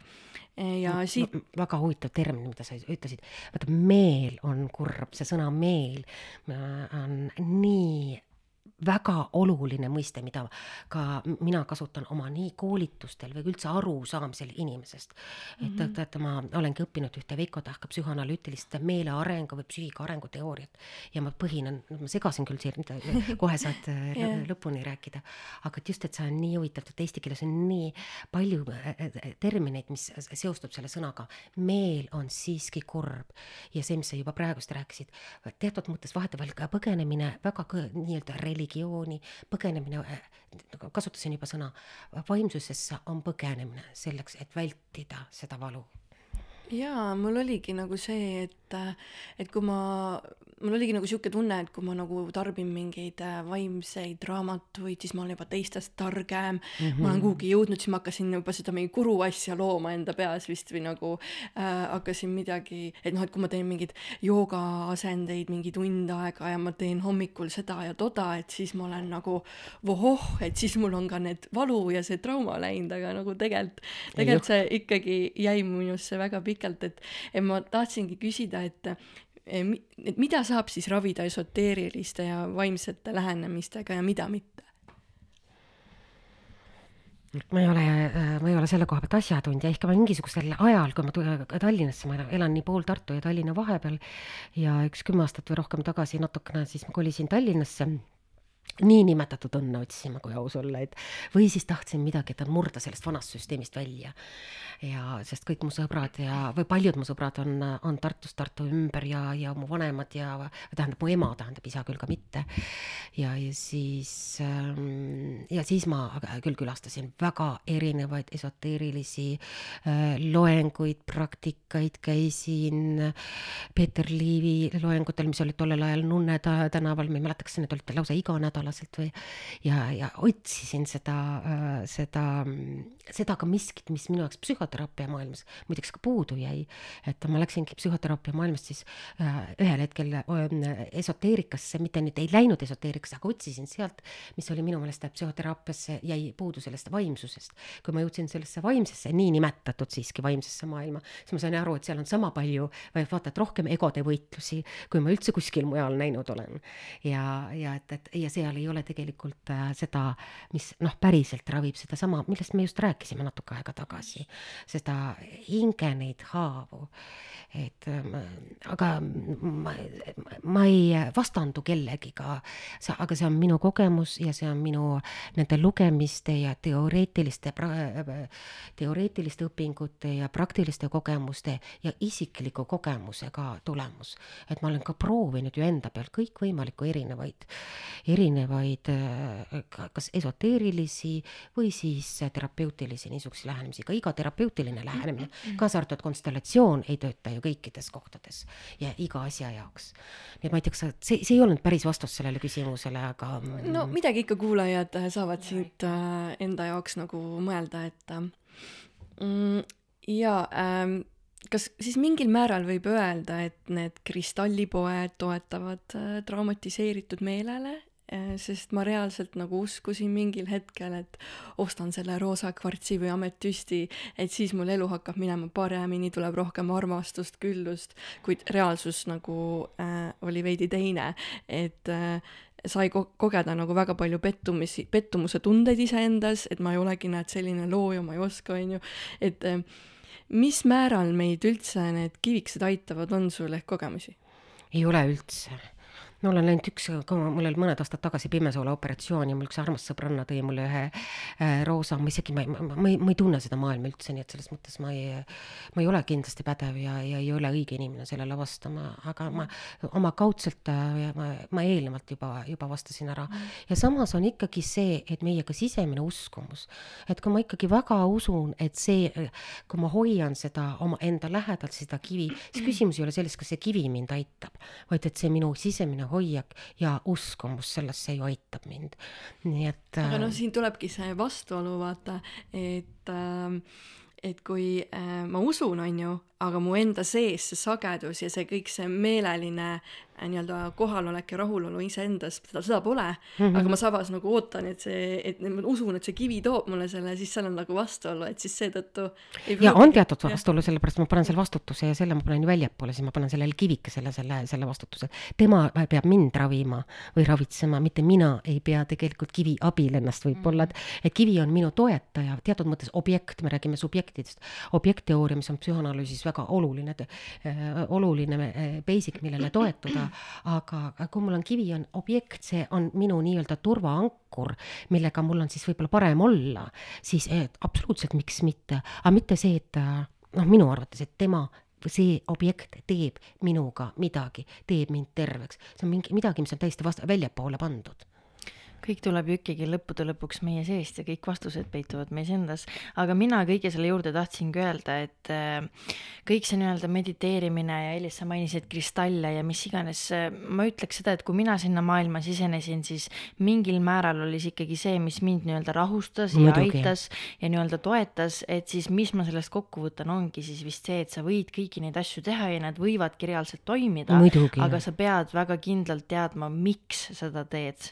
et mis mis on see põhjus, miks sa neid asju nagu teed et jah, ma ei ütlegi, et siin mingid kristallid muudavad elu ja mediteerimine on elu alus, aga mingil määral on näiteks mediteerimine olnud asi, mis on mind nagu elus viinud mingile teisele tasame, tasemele, aga mis ma praegu kaasa võtsin, olingi see, et sul ei ole mõtet neid kivikesi hoida, kui sa väga täpselt ei tea, miks need kivikesed sul nagu kapi peal on, et jah. ja pigem on see, et kuhu, kuhu see vastutus jääb. Just. ja no kindlasti ma pean mediteerimisest äärmiselt lugu, see on ju, seda on, seda on ju uuritud, siin ei ole vaja ju midagi, millesse ma usun või ei usu, tähendab see mm. uuringud selgelt toetavad, see muudab tegelikult meie ajulaineid ja, ja nii edasi, nii et see, see ei ole asi, mida on vaja, vaja väga kas, kas pöörata või, või, või ümber pöörata uskuda või mitte uskuda. siin on kindlasti see, et kellele sobib, mis, et, et endale üles leida mm. ja, ja võib-olla on ka olu-, noh, ma ei tea, kas on oluline, et, et meil on igasugused meditatsioonipraktikad on väga populaarsed lihtsalt mm, -hmm. et lihtsalt, kas see mulle ka sobib, näiteks mina tean päriselt ka koos lugupidamisega meditatsioonipraktikatesse, aga mulle see ei sobi mm. -hmm. mul on ka vahetevahel mu tütar või, või mu õde ütleb, et ma olen paras ATH, ehk siis ta, kes teab, mis on ATH, see teab, eks ole, et et äh, ma olen sihuke äh, paras, paras rabeleja ja nii edasi, aga muidugi ma oskan aega maha ka võtta, aga see on peamiselt, mul on omad kindlad kohad, kus, aga muidu ma ikkagi panen pa- parasjagu pöörises. Ja see ei ole lihtsalt minu tee, mulle pigem on see, et, et mingid aeroobsed asjad, parem zumba, parem niisugune tants, eks ole, ja aga on ka, vahet ei ole, kuidas sa jumalani või selle kõiksuseni jõuad tegelikult. Mm.. on ju, on ju kõik need hoopis teistsugused äh, praktikad nagu dervišid, need, need keerlevad seelikud, olete kuulnud, eks ole, siis äh, sufi praktikatest, eks ole, kus äh, inimesed lihtsalt keeravad ja keerlevad ja keerlevad tundide kaupa oma seelikute sees ja on igasuguseid erinevaid füüsilisi praktikaid, mis viivad sind tegelikult tä- täiesti teisele lainele nii et lihtsalt igaüks peab üles leidma oma, aga et noh, et ähm, mina tean, et mina peaksin ennast sundima selleks, et, et äh, selleks, et ahah, kõik mediteerivad, see on nii populaarne praegust, aga ma pean ka ennast sundima selleks, siis ma ei hakka seda noh, ma tean, et aa, ma olen proovinud seda, et, äh, et äh, lihtsalt, et ma usald-, noh, et ma olen jõudnud selleni, et see, see on minule ja see ei ole minule ja see, mis on teisele,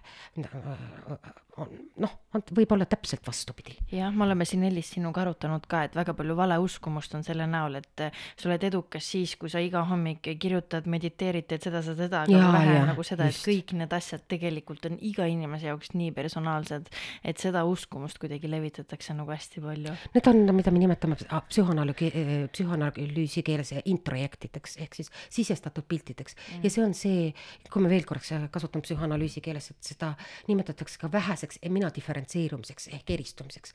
on see, et, et ma korjan lihtsalt need pildid välismaailmast iseenda sisse, et ahah, et, et kui on see, sealpool juba või mu ema või keegi või tuttavad ja ühiskond arvab, et see on jõle hea ja see teeb mind jubedalt vaimseks, siis on, siis ma teen seda, et ähm, aga sa, saad, saad aru, mis ma, mis ma öelda tahan? jaa, päris huvitav on nagu sul, ma arvan, maailma vaadata sellise pilguga, nagu sul on teadmisi, et, et äh, nagu sa ütlesid praegu, kirjeldasid, et sa võtad mingi pildi ja, ja paned niimoodi ja et, et mis pilte meile antakse ja et kuidas mingi näiteks inimene või su klient mm., keegi võtab mingi pildi endasse, et seda on päris huvitav ju niimoodi kõrvalt äh, Jaa. vaadata, ma usun.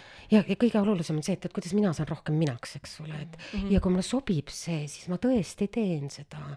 ja kui mulle ei sobi see, siis hoolimata sellest, et ta, et, et si- siis on see oma selgroo või oma telje kasvatamine seisneb selles, et ei, see pole minu tee mm. -hmm. et kuidas ma leian selle järgmise tee endale, et kuidas, millest mina saan rohkem olla mina ja rohkem realiseerida ennast mm. -hmm. et- et üks ei ole halvem ega teine, nii nagu jälle see mu lemmik äh, psühhotraumaõpetaja Sirko Aidulehti kunagi ütles, et on, tema jaotab inimesed ja organisatsioonid ja meeskonnad nii-öelda teatud mõttes kaheks. see on laias laastus, aga siiski. et on nii-öelda on inimesed, kes on orienteeritud arengule mm, ja need, kes on orientatud, orienteeritud toimetulekule. ja siin ei ole küsimus, et üks on halvem kui teine. ma, ma austan mõlemat täpselt ühteviisi. minu asi abistajana on ta- kuulata lihtsalt, mis on inimese te- tegelikult vajadus. mõnel inimesel, eriti näiteks ka, kui te ta- tahtsite siin traumast või rääkisite traumast, et traumasituatsioonides on vaja tegelikult taastada toimetulek mitte siis ja, ja arenguteed on hoopis teises kohas ja mõne inimese jaoks ei ole üldse oluline, et jõuda areng, ega arengumaailm ei ole midagi ainult lill ja eh, lillepidu ja, ja e- eriti niisugune äh, nii-öelda magustoidu ja äh, magustoidu tee, eks ole, vaid et see võib olla väga vaevaline tee sügavalt arenguline tee ja sügavalt vaimne tee on väga valus tee. võib-olla, ei pruugi jälle. siit võib-olla küsikski, et äh, too iseloomulikke jooni kahe inimese käitumise vahel, ühel, kellel on traumatiseeritud meel ja teisel, kellel on vähem traumatiseeritud meel mm. -hmm. kuidas need inimesed e- erinevad käitumuslikult ja kuidas nad töötavad, toimivad? mm. -hmm. no traumatis-, väga hea küsimus, päriselt ka.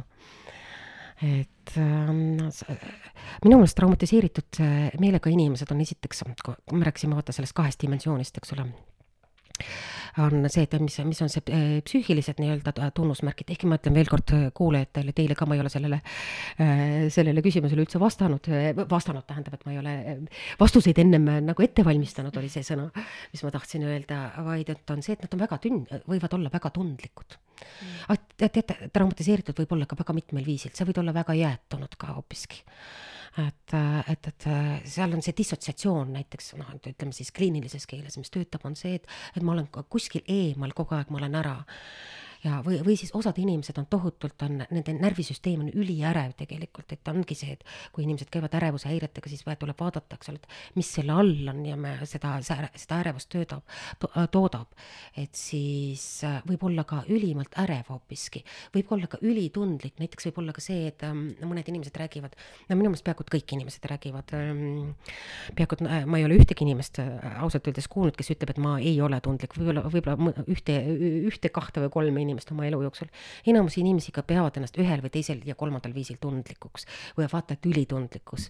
aga ülitundlikkus ei tähenda alati seda, teate, seda noh, positiivset, oo, ma olen nii empaatiline ja ma nii saan aru sinust. ülitundlikkus võib olla ka reaktsioon näiteks sellele, et, et ma pean olema, ma olen niimoodi, mis, mis mu lapsepõlves näiteks on see, et kui ema-isa näiteks oli seal mingi vägivald või kaklemine või, või mida iganes, siis või et, ema oli kuidagi depressiivne või isa oli äh, kasutas alk-, alkoholi või mida iganes, siis oli see, et, et see närvisüsteem on kogu aeg nagu valvel sõna otseses mõttes.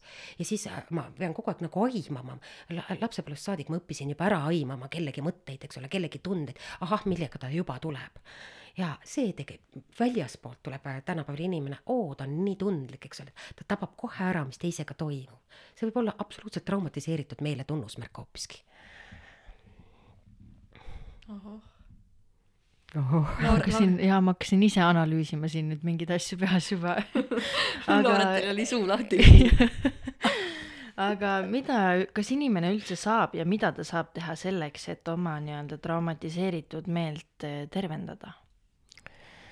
Muidugi saab, aga ma arvan, sellest rääkisime mm., kui aus olla eelnevalt juba, et, et muidu ma kordan äh,, kordame seda teemat mm., et see oli see, et kui sa leiad kellegi, mäletate, me rääkisime mm, just sellest, et kui sa saad, kui sa leiad kellegiga, ka kui te küsisite seda, et, et, et mõni inimene, eks ole, et, et ta, ta ei tahagi oma trauma, ei pea tegelema mm.. on mõningaid asju, mida tõesti parandab ha-, aeg parandab haavad, aga kui sa leiad sellise inimese, kes kannatab selle valu välja ja ta ei pea olema tingimata terapeut, kui ta on sul selline selline imeline sõber või kellel on imeliselt sellised emotsionaalsed oskused, kes lihtsalt oskab sind hoida. ega terapeut ka vahel, ka need suured terapeudid siin maailmas, kellega ma olen nüüd näinud, nad ei tee vahetevahel mitte midagi muud. kui inimene läheb sinna sisse, eks ole, süe, läheb sellesse tundesse, ta ütleb lihtsalt, on kõrval ütleb, oi mm, -hmm. aa, mida sa nüüd tunned?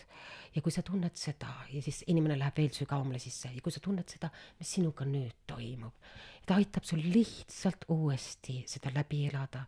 Ja selle kaudu toimub see tervenemine ma ütlen täitsa ausalt, et see on eh, minu jaoks selles mõttes oskus, mida me peame kindlasti harjutama, sest et kui keegi tuleb minu juurde oma sügava probleemi või murega, siis ma kuidagi sisimas alateadvuses tunnen, et see on minu kohustus seda kohe nii-öelda parandada, talle nõu anda, et kui ma seda ei tee, siis ma tunnen ennast nagu ignorantsena, et siis ma ignoreerin ta mm -hmm. probleemi ja nagu ei aita teda, kuigi tegelikult tal on vaja lihtsalt seda, et see on okei okay, nii tunda, et kui ma mõtlen enda peale, kui mul olid kunagi rasked perioodid, siis tegelikult see oli täpselt see, mida ma vajasin vajasin, et kui keegi hakkas seal seletama, et tee ühte, teist ja kolmandat, siis oli lihtsalt, et äh, miks ma üldse rääkisin. vot Laurit, selle kommentaariks võiks öelda, et äh, peaksin võib-olla korraks jagama või võiksin jagada õigupoolest, on äh, kahte niisugust kogemust, et ma nädalavahetusel kuulasin kahte suurt konverentsi üks äh, toimus Venemaal jaanuari lõpus, äh, konstellatsioonid kakskümmend Venemaal ja, ja teine oli kaks nädalat tagasi, oli organisatsiooni konstellatsiooni konverents, mida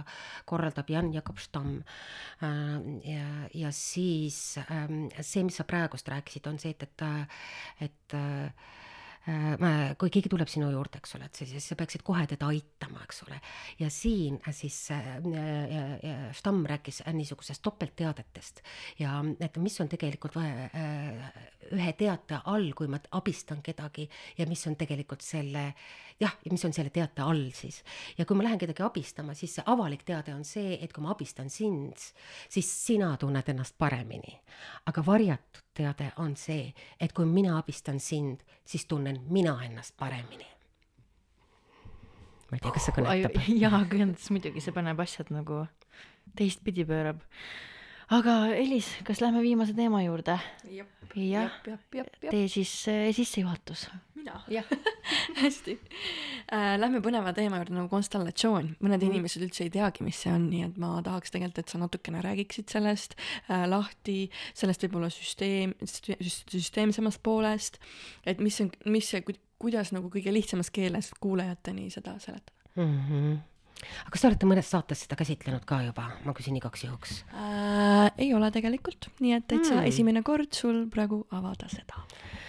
okei okay., et tõepoolest, et äh, ma lõpetasin aastal kaks tuhat kuus, ma lõpetasin siis perekonstellatsioonide väljaõppe ja kaks tuhat seitse või oli isegi varem, kaks tuhat viis oli organisatsiooni konstellatsioonide väljaõpe ja konstellatsioonid on midagi niisugust, üks väga keeruline öelda, kas see on tegelikult psühhoteraapia.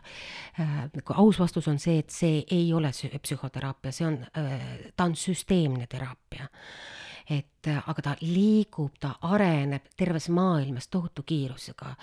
Ja, ja selle suure tõenäosusega sellepärast, et, et siin me saame töötada ühe sessiooni jooksul mitme põlvkonnaga, kui te rääkisite ennem genogrammist, eks ole, et kus me saame ühes genogrammi peal juba näha mitme põlvkonna mustreid, siis konstellatsioonides pannakse ka üles tavaliselt mitte ainult üks põlvkond, vaid võib panna mitu põlvkonda, muidugi võib töötada ka selle, näiteks mina ja mu vanemad, see tähendab kahe põlvkonnaga või mina ja mu laps, eks ole, või mina ja, ja äh, mu partner aga väga tihti, et need küsimused selles, et mis toimub minu ja mu partnersuhetes, on seotud sellega, mis on toimunud minu ja mu vanematega, aga see on omakorda to- seotud sellega, et millised üleelamised on olnud nende vanematel omakorda.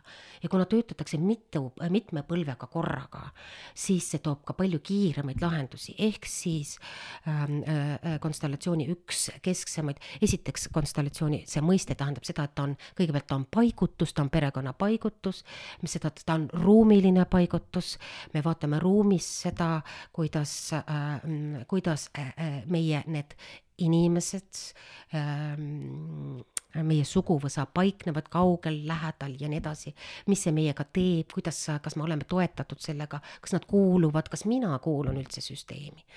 Ja, ja teine asi on see, et me eraldame seal ära, et me, me eraldame ennast ära siis oma vanemate, vanavanemate ja me kasutame, oleme täna kasutanud nii palju millegipärast seda sõna traumad, las siis jääb see ka kõlama, et äh, nende traumadest või üleelamistest. ja, ja mäletate, ma kasutasin sõna mina diferentseerumine ehk mina eristumine ja selle kaudu, kui mina saan, väga tihti, sa ise ütlesid ka, mina olen minu vanemad tihtipeale, eks ole, siis on see, et ma olen oma ema, oma isa, nende üleelamised. aga siis, kui ma olen saanud ennast ära eraldada, ma olen saanud nii-öelda väljale panna ja siis ma saan ennast ära eraldada ja siis ma saan rohkem valida enda tee ja oma nii-öelda saatuse. See on väga lühidalt öeldes, mis on tohutult rikas, väga kummaline on üks, mis kindlasti ei ole teaduspõhine, on see, on äh, nii-öelda tö- tööriistana on seal, on äh, morfogeneetiline väli. me keegi ei tea, kuidas see töötab, see tähendab seda, et me paneme paigutusse ülesse, on see, et noh, kui me töötame gruppides näiteks, on see, et ma valin, tahan uurida oma suhet. Näiteks kellega või kellega, lihtsalt mingi näide isaga. isaga, siis ma, kui sa soovid uurida oma suhet isaga, siis loomulikult me küsime, millised küsimused on isaga ja, ja mille, kas on takistusi, mida sa tahad uurida, mida sa tahaksid selle konstellatsiooni tulemusena. ja siis ma palun, et sa grupist kellegi valid iseendaks ja valid kellegi teise grupi liikme sa- oma isaks, paigutad nad ruumi ja mingil veidral ma ei tahaks kasutada sõna müstilisel viisil, aga mingil viisil, ütleme siis lihtsalt ilma laienduseta, hakkavad need asendajad tundma või kandma neid samasuguseid tundeid ja nad annavad seda informatsiooni, mis päriselt toimub nende ni- nii-öelda ähm, selle kliendi elus siis nende inimestega. ja see on üks ja siis me viime nad liikumisse, siis on, see on seesama, mis toimub, millest ma juba rääkisin, see eraldamine, me kasutame tervendavaid lauseid, see, et see suhe tuleks neutraalseks ja jälle mina saaksin rohkem astuda sammu oma elu elu ja oma saatuse poole. aga seesama väli, millest ma rääkisin, nüüd ma veel kord, et ma olen nii palju nagu lugenud selle kohta, et ma, ma olen üritanud seda siis äh, enda jaoks, noh, ma olen ka küllalt enda arvates loomulikult niisugune loogiline ja struktureeritud ja, ja ratsionaalne inimene, et kuidas seda siis seletada, sest seda saab seletada, üks on äh, ühte bioloogi Robert Sheldrake'i teooriaid kasutatakse mm, selle äh, väljaseletamiseks siis vahetevahel peegelneuronid, vahetevahel geneetilist mälu, mõni üritab seda seletada siis äh, kvantfüüsikaga ja siis, kui ma nüüd neid ettekandeid terve nädalavahetuse kuulasin nii Vene kui ka, kui ka siis Euroopa omi, siis peaaegu et kõik ütlesid, et me tegelikult ei oska. ja me ei saa aru, tähendab, et ähm, et me iga natukese aja pärast tuleb uus moodne teooria, eh, on vähemasti kaheksa teooriat, kuidas seda siis seletada, et mis seal välja peal toimub ja me tegelikult ei saa aru, kuidas see informatsioon, ühte näidet soovite või? Ma, ma võin ka kohe enda ja. näite. jaa, too parem muidugi. et ei, võtame sinu näite ka kindlasti, jäta meelde, Lauret äh, jaa, et mul oli just esimesel märtsil oli perekonstellatsioon esimest korda tellisin siis nii-öelda endale mm. -hmm. mul on olnud varasemalt individuaalkonstellatsioonid, kus ma olen siis äh, võtnud ka ema-isa koha ja nutnud patja ja rääkinud padjaga ja äh, no mitte nutnud patja, vaid võtnud ka kallistanud mm. ja rääkinud selle padjaga, et mis on natukene veider võib-olla mõistuse inimestele, on ju. aga see on ainult väline maailm yeah.. ega sa töötad ikkagi oma sisemiste image itega yeah. ja sisemise kujutluste ja hologrammidega. sa töötad sellega, mis sul sees on. see väline kas on padi või midagi muud, sellel ei ole mitte mingit see, sellel butafoorial tähtsust, aga mm -hmm. räägi no, edasi. ikkagi inimesel võib tunduda, et miks ma selle padjaga siin praegu räägin, et issand, kui nõme see asi siin üldse on, et äh, mida ma teen siin, on ju, et ikka siukseid mõtteid nagu korraks esile tuleb. aga mis seal konstellatsioonis siis äh, toimus, oli lõpuks see, et päris palju inimesi tuli väljale ja, ja lõpuks tuligi, kulmineerus see asi selliseks, et äh, minu vana-vanaema oli täiesti väljalt nagu nurka läinud ja ta mm. oli täitsa mm. nagu väljalt ära äh, välja tõugatud. välja tõugatud, ei olnud mhm. tunnistatud mm. -hmm. ja, ja ta jäi seina peale mingit asja vaatama niimoodi konstantselt niimoodi lihtsalt ja, ja siis see konstalöör võttis siukse noh, nagu papist need kujukesed mm. pallikesed on, pani selle sinna mm -hmm. ja hakkas seda nagu alla tooma mm -hmm. tema juurde mm -hmm. ja see oli äh,, me mm. oletame me oletame, et see on äh, ära kukkunud mingi laps, kellele tal oli tähelepanu ja ta ei saanud tähelepanu minu vanaemale panna mm. -hmm. ja siis nüüd, kui nad läksid väljale, kohtusid seal mm -hmm. väljal vanaemaga, siis äh, neil toimus selline tervenemine, et mm, -hmm. et see vanaema, kes oli niisugune käed puusas ja selline nagu no mis asja siin on, on ju kukkus põrandale maha ja ütles, et issand, mul nii väga oli seda praegu vaja siin. ja see oli nagu see kõige suurem tervenemiskoht, mis, kus oli nagu armastuse energia kinni mm. ja tänu sellele saab minule ka nüüd see kõik see armastuse energia lõpuks tulla, aga noh, selleks läheb aega, aga, aga see oli hästi võimas, kuidas me lõpuks siis kõik mulle hoidsid nagu järgemööda nagu kätt õlal. et äh, see oli nagu vau wow. no umbes midagi sellist, et äh, ka konstellatsioonides tõesti ka toimub, aga igaks juhuks ütlen ka, et äh, konst-, konstellatsiooni neid liig- äh,, noh, on ka nii palju edasi arenenud. mõni mõni ei tööta enam üldse sellega, et minevikku, eriti Euroopas ei töötata minevikku muuta, et nad ütlevad ainult seda, et on nagu on. seda me, me saame sellega ainult nõustuda ja absoluutselt seal minevikut, et vot, et me toome tagasi ja viime, vaid et me vaatame selle peale, eks ole, ja ütleme, et jah, nii oli ja ma äh,, mul ei jää muud kui nõustuda mm -hmm. ja ma ehitan oma sisemisi toimetulekuid sellega ja selle kaudu, äh, selle kaudu eraldun. või siis on täpselt see, mis sa ütled, et äh, need asendajad annavad mingisuguse, vot sa tood, võib-olla see oli ära kukkunud laps, see võis olla, vahet ei ole, kui ta ülesse vaatas, oli see igal juhul keegi surnud et siis äh, äh, võimalik, et ära kukkunud laps, võimalik mm, -hmm. et keegi teine, kuhu tema meel oli fokusseeritud nii või teisiti. just ja noh, natukene jäigi nagu kõlama see, et äh, minu suguvõsas võiski olla see ära kukkunud laste nagu teema, sest et mu emal oli ka enne mind hmm.. jah. no et siis see, kõlab see, küll niimoodi. see tuli ka mm -hmm. välja seal Mm -hmm. Mm -hmm. et see kõlab niimoodi, et see, kui see on juba kordus, siis, siis see kõlab nii. aga minul endal on, kuna ma kasutan individuaalselt, eks ole, siis äh, supervisioonides supervisioonides, konstellatsioonides, nüüd hakkavad juba sõnad segamini minema äh, selle vuristamisega, siis on see, et äh, paljud konstella-, tähendab, töötatakse hästi palju individuaalselt, et nukkudega, ma ei tea, kas te olete keegi kogunud, kogenud laua peal, et nende sümbolitega, aga mina töötan ikkagi sellisel viisil, et ma panen iseennast iseennast äh, sellele väljale asendajaks. et ma olen siis nüüd ära treeninud selle, et, et ma olen üheaegselt nii terapeut kui ka ma lähen an- äh,, asendajaks välja peale ja annan sealt selle informatsiooni ja näiteks lihtsalt, mille peale mulle ausalt öeldes ise ka, et ma noh, veel kord äh, ma rõhutan seda, et ma pean ennast äh, hirmsasti ratsionaalseks inimeseks muidu, aga noh, ma olen kogenud seal siin nii palju erinevaid, mille peale noh, mul on võimatu öelda ei. et äh, lihtsalt äh, mõned kuud tagasi tuli üks naine, ütles, et, et äh, et ta tahaks uurida ühte oma sümptomit, artriit, teate, mis on artriit, eks ole, see lihas, lihashaigus, vaata, mille peale lõpuks lähevad vanaduses või vähem vanaduses lähevad sõrmed niimoodi kõveraks, inimesed ei saa, saa siis ähm, või liigesed, nad ei saa tegelikult liigutada absoluutselt käsi enam. ja et temal on artriit, tema tütrel on artriit ja tema emal on artriit ja ma ütlesin, et okei okay,, et, et äh, aga paneme siis ülesse ja äh, läksime tema enda äh, või mi, mina läksin tema asendajaks, ta pani mind siia kuskile nii-öelda väljale, me ehitame siia välja, äh, ja siis selleks sümptomiks kui suguvõsa mingiks indikaatoriks ja siis äh, ma andsin esimese informatsiooni, see on asi, mida ma siis ei kontrolli.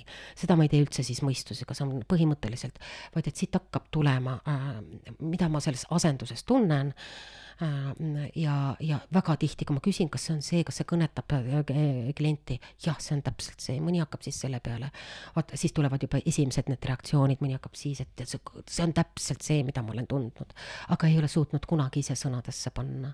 aga igal juhul siis ma teen alati ka esimesed liikumised ja me, kui ma temana liikusin, me loeme välja, see ei ole selgelt lugemine või selgelt nägemine, vaid et äh, me loeme välja, me teame, kuidas seda lugeda, eks ole, et üks pool on isa pool rohkem ja teine on ema ema pool ja siis, mida need sammud tähendavad, ja siis, kui ma liikusin äh, alateadlikult, see ei olnud teadlik liikumine, tema vanaema koha peale ja siis ma äkitselt tunnen, et ma olen nagu üles tõmmatud, mu keha läheb täiesti kangeks ja sõna otseses mõttes, et, et mul on nagu kael, kaelast, saad aru, nagu, nagu poodutunne tekkis. ma olen nagu, nagu kuhugi tõmmatud.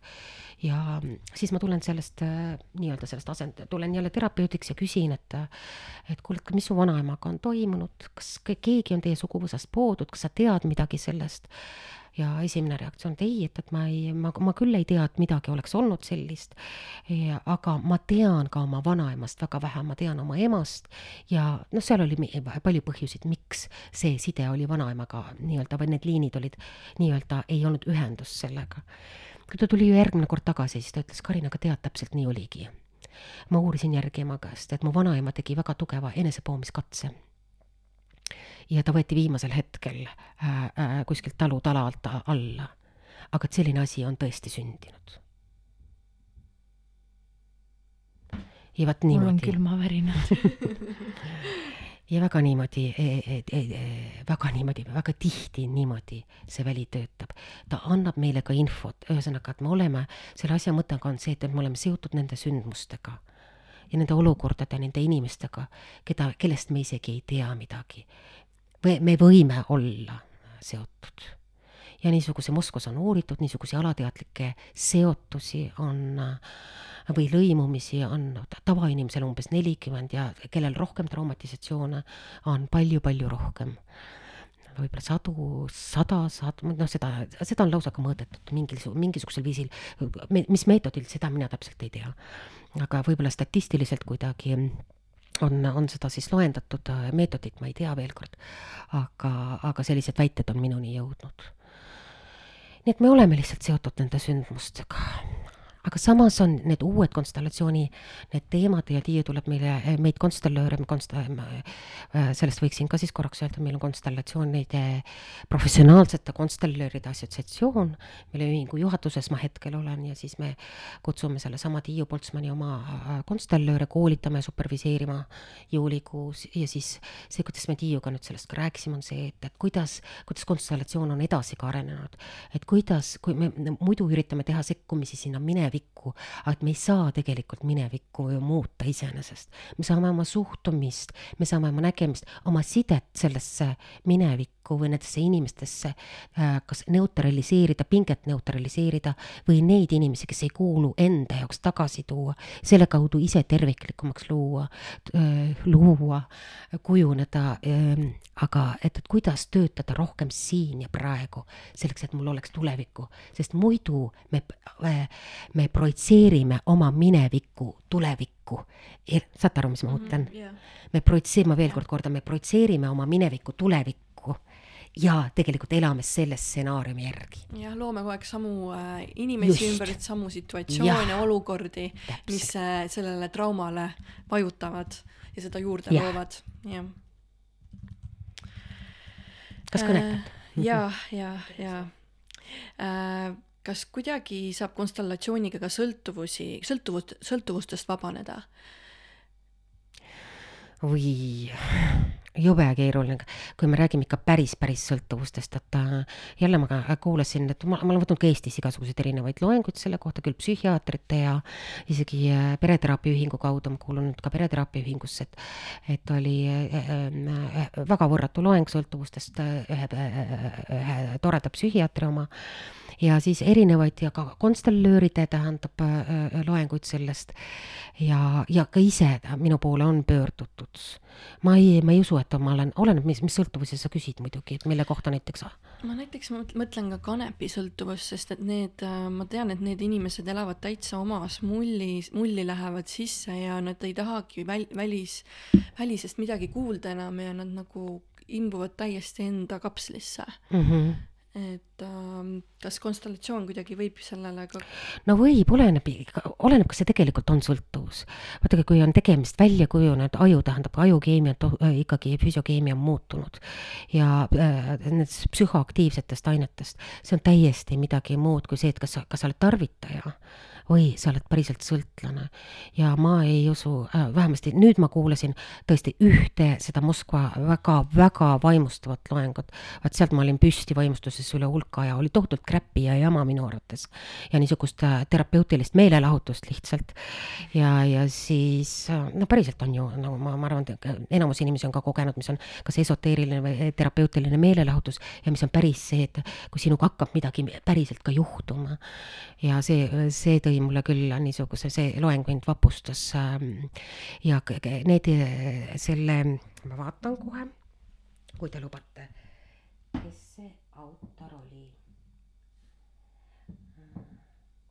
selle, selle ettekande esitaja oli Ju-, Julia Šahhova ja kliiniline psühholoog ühest Moskva rehabilitatsioonikeskusest ja see, kuidas ta rääkis, äkki huvitab teid, et äh, kuidas tema nagu kirjeldas, ma ei ole kunagi ka nii terviklikku kirjeldust äh, sõltuvust, just nimelt ikkagi ma päris, ma räägin sõltuvusest, tähendab keemilisest sõltuvusest, et ei ole kuulnud, et äh, tema pidas näiteks, tõi välja siis nii-öelda neli kvadraati, mis on sõltuvuste all. ja et esimene on see, et mida tema väidab, muidu ma olen ammu ka, kuna ma olen slaavlaste käe all, käe all õppinud, siis nad ütlevad, sõltuvused on aeglane liikumine surma aga noh, mida täpselt see siis ka tähendab, et kellele see järgiminek on, see ei ole mulle ka nii hirmus selge endal olnud. aga et on aeglane liikumine surma. nüüd Šahhov täpsustas seda, et seal on olnud kindlasti mingid vägivaldsed sündmused, vägivaldsed olukorrad või vaadake, vägivald võib olla ka see, et see on pikaaegne, kogu aeg kestev, kas vaimne või füüsiline vägivald. aga ta väidab midagi niisugust, et esimene, see põhjus, väga suur põhjus on see, et on toimunud olnud vägivald või pidev vägivald, mis on lõppenud surmaga. küsimused olid saalist, et kas see alati on või, või millistel põhjustel. ta väitis jah, et, et see on, see võib olla mitmeid põlvi tagasi, aga et see on toimunud, mis on lõppenud ühel või teisel hetkel, see on lõppenud siis surmaga. see on esimene põhjus teine põhjus äh, niisugustel äh, tõsi, tõsi äh, sõltuvustel on prenataalne periood ehk siis kui laps ema kõhus, kui emal on olnud raskeid üleelamisi sellel ajal. Kui see ei olnud, et, et ta ei saanud olla, noh, see kõlab niisuguselt liiga lihtsustatult, et ta, ta ei olnud õnnelik, aga kui tal on tõsiseid üleelamisi äh, lapse ootamise ajal, siis äh,, siis loode selles, sellel perioodil tema närvisüsteem ei saa välja kujuneda sõna otseses mõttes. ehk siis kõik see, need endorfiini, melatoniini, serotoniin äh, süsteemid, need, need, see närvisüsteem ei tule siis, vaid et kui ta sünnib, ei ole toetatud juba see on kolmas, eh, tähendab teine kvadraat, kolmas kvadraat on meie perekonna stsenaariumid ehk meie ema-isa lood. Ja siia juurde kindlasti haakuvad kõik need ohver-agressor düna- ja päästja dünaamikad ja see on väga keeruline. Ja see on ka, me ütleme, konstellatsioonides üks vastikumaid dünaamikaid, millega üldse töötada, see on vägivalla dünaamika ka, et seda tegelikult välja saada. Ähm, seda, see on üli-ülikeeruline tegelikult. Ja minu juures käib tõesti ülipalju neid ära kolgitud inimesi, nii nii mehi kui ka naisi, tähendab ilmselt põlvkondade kaupa ja või on siis äh, tegelikult noh, ma kasutaks seda niisugust, äh, näitan need väga, väga toredad terminid, ära kolgitud, ära pekstud ja ära kuritarvitatud ja nii edasi ja nii edasi ja see on, ja see on toimunud küll põlvkondade kaupa ja, ja siis see neljas põhjus on isikliku elu traumad, et, et selles mõttes see töösõltuvustega on ülimalt keeruline. nüüd ma sain veel aru palju-palju rohkem, ehkki mul on, mul on küll äh, mõningaid äh, niisuguseid juhtumeid olnud, et tuleb, tuleb, tõi, tõid lapsed mu juurde ühe oma lapsevanema peaaegu otse kainestusmajast ja, ja kui me kaks nädalat hiljem äh, suhtlesime, siis ta ei olnud oma tsüklisse, aga see oli, seda ma ei usu elu seeski.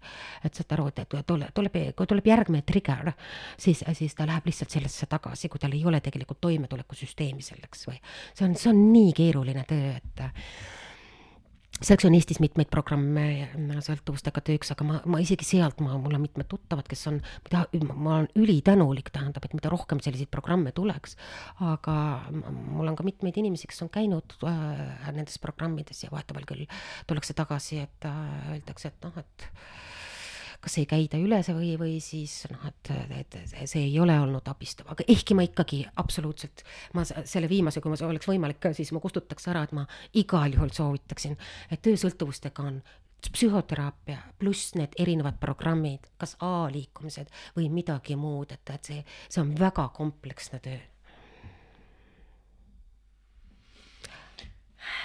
aga kui te lubate veel, needsamad neli põhjuslikku, mida ma lugesin teile ette, eks ole, et need, need vägivaldsed stseenid, ma, ma eile juhtusin muideks, millegipärast oli uudistes oli see, et me oleme ka eestlased vägivallas, me oleme esimesed üleüldse Euroopas, muideks, ma ei tea, kas te nägite äh, ühte uudisteklippi selle kohta, me oleme kogu Euroopas esimesed tegelikult oma vägivallajuhtumitelt, et meil tõesti on väga vägivaldsed perekonna ajalood. see nagu kõlabki, et meil on väga palju allasurutuid tundeid, väga palju on allasurutus, äh, allasurutuid asju läbi töötamata, aga kui see toimub põlvest põlve, mina isiklikult ütlen ka, ma seitsme põlvega ei tööta, ma töötan kõige rohkem kolme-nelja põlvega, sest noh, see, sealt tuleb veel informatsiooni ja sealt tuleb neid tundeid, aga ja töötan sellega ka, mis on praegu. ehk ma ütlen äh,, sa ei küsinud küll või te ei küsinud seda küsimust, et kas konstellatsioon töötab alati, võib-olla sa plaan-, plaanisid seda küsida, aga ma ütlen igaks juhuks, see, see ei ole iga asja jaoks. et, et see ei ole ime siiski, vaid et äh, nende mustrite jaoks, mis meil on praegusel hetkel, hetkel. et, et kuidas oma mustritest, kuidas sa, mina reageerin sulle ja sina reageerid mulle nüüd ja praegu, see, selle jaoks ei ole konstellatsioon mõeldud. et see, see on ikkagi kas igasuguseid muid teraapiaid, pereteraapiaid, imagod pa,, paari suhted, neid on äh, igasuguseid muid, et aga siin ma uurin oh,, ka individuaalis saab tegelikult uurida, et mis minuga siis toimub, kui mu partner või minu õde või mu ema käitub niimoodi, mis, mis, kas ma lähen siis äh, imaga teraapias, kas ma lähen kilpkonnaks või vastupidi, ma lähen lähen rahetormiks. ehk siis, kas ma lähen, tegelikult kapseldun või ma lähen ärevaks. Ja ma tahan uuesti selle ärevuse tõttu õudselt kiiresti tagasi sulle lähedale saada või vastupidi, tõmbun eemale ja kuidas teine sellele reageerib, et selliseid mustreid konstellatsioonides ei lahendata. Vau, vau, vau, Lauret, kuidas on sinu tunded ma ei tea, me oleme nii palju ägedatest põnevatest teemadest äh, rääkinud, ma usun äh,, igaüks sai siit mingi hariva mõtte enda jaoks, et äh, mina küll lähen seda pärast äh, veel seedima, ma sain nagu aru, et äh, mul on veel pikk tee minna nõustajana. Ma olen ka positiivses mõttes äh, täitsa lukus ausalt öeldes, et äh, väga šokeeriv, silmi avav ja väga väärtuslik info, et kindlasti olid mingid asjad, mida me oleme kõik juba kuskil kuulnud, aga niimoodi, et süvitsi minna, kõik need nii-öelda asjad teistpidi pöörata ja telgitagused ja mul on jällegi aeg minna trammi peale ja traditsiooniliselt istuda ja seedida, mina igatahes väga-väga-väga teen kniksu ja kraapsu, aitäh, et sa tulid ja seda kõike infot jagasid, ma tean, et see on kulla väärtusega, mis su peas nagu on, et suur-suur aitäh sulle igatahes ja, ja mina tänan ka ja ma võib-olla küsiks veel, et äkki sul on veel midagi lisada meie kuulajatele, midagi veel öelda lõpetuseks? et olemegi lõpusirgel, eks ole noh, ma ei teagi, millega, mingi koht, ma ei tea, kas see, kas on üldse hea koht sellega lõpetada. see oli, võib-olla oleks kuskil keskel, ma tahtnud öelda veel, et, et ma olin nagu sellest ühest ettekandest ka veel nii võlutud, et et, et just, et kui siin on kuulajate hulgas ka ettevõtjaid eks, või juhte või siis töö, organisatsiooni töötajaid, siis et mi, mida teha sellel muutuvatel aegadel organisatsioonides, eks ole, et on see, et et muidu, muidu organisatsioonides on kõik tähtsam funktsioon on või seadus, me räägime seadustest, on ikkagi see funktsioon, et meil on selged funktsioonid, eesmärgid, rollid, me saame aru, eks ole, et kus, kuhu me liigume, meie klient näeb täpselt sedasama. konfliktid on tegelikult äh, organisatsioonides on ainult selle äh, selguse, funktsioonide selguse puudumine.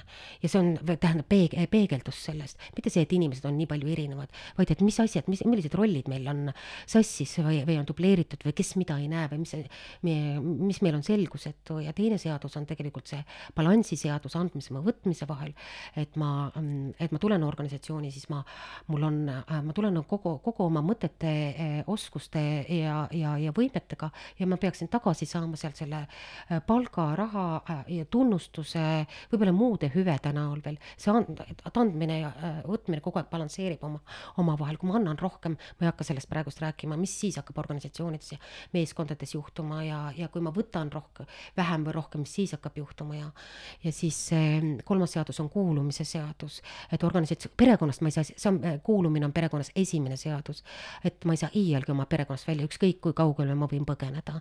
aga et organisatsioonis on see viimane seadus, seal ma lõpetan töölepingu ja võin siiski välja astuda. aga et niisugusel kriisi rasketel aegadel on võib-olla hästi oluline, et töökohtades on see, et, et eriti juhtidel on see või liidritele või kellele iganes on see, võib-olla ka lihtsalt mitte ainult liidritele, vaid et lihtsalt, et kas meil on kõik kaasas, et kuulumine on tõusnud või tõuseb esimeseks seaduseks pigem.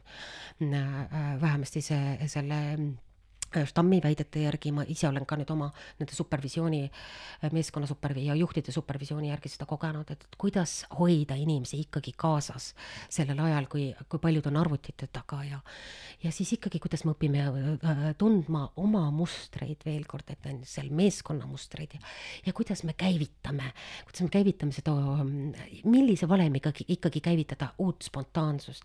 ja võib-olla sellega ma lõpetaks äh, ikkagi ja see, need ei ole minu sõnad, vaid needsamad needsamad Stammi sõnad, et õudselt oluline praegusel ajal on see, et me ei läheks kuskile äh, äh, ei teise maailmasõja ega kolmanda ma maailmasõja paradigmadesse.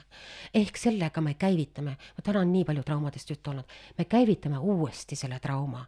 ehk me käivitame uuesti, me seome uuesti nende lugudega, oma vana, vanemate või vanavanemate lugudega, mis toimusid, niikuinii kõik on kuulnud mingisuguseid lugusid, eks ole.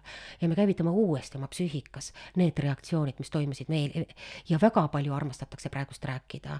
ma olen ise neid loenguid äh, kuulnud vähem ja rohkem noh, jätame siis hinnangut andmata, äh, et millistelt, äh, millistelt õpetustelt siis, et, et aga meil on käimas kolmas maailmasõda. meil on koroona meil on pandeemia ja sellega tuleb toime tulla ja selle ärevusega tuleb toime tulla, aga mitte käivitada uusi niisugusi, kas vanu või järgmisi võimalikke katastroofi äh,, katastroofi äh, äh, paradigmasid, et see oleks see sõnum. et hoida kuulumist ja hoida ennast siin ja praegu selles ja et äh, see läheb mööda niikuinii. nii et kuulajad, hoidke ennast mina väga tänan, Karin, sind, et sa tulid täna meiega enda väärtust ja mõtteteri jagama. et väga mõnus õhtupoolik on siin sinu pool olnud. et äh, kuulajad, kui teile ka äh, saade äh, meeldis, siis kindlasti jagage ja like ige. ja tagasisidet ootame, aga veel kord aitäh sulle, Karin ja aitäh, Helis ja aitäh kuulajatele ja nägemist ja nägemist ja suur tänu ka minu poolt, et kutsusite. mul esimene kogemus äh, sellisel viisil jagada, lihtsalt jagada ennast.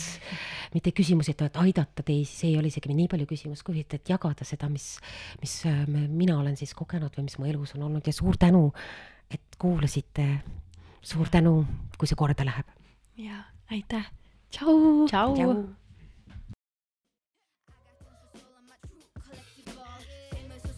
number one desirable.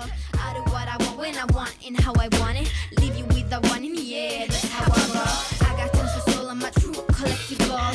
Famous, also famous, number one desirable. I do what I want when I want and how I want it. Leave you with the one in the air, that's how I roll. I got changes, so I don't care about no gold. Better, so much better, flipping incredible.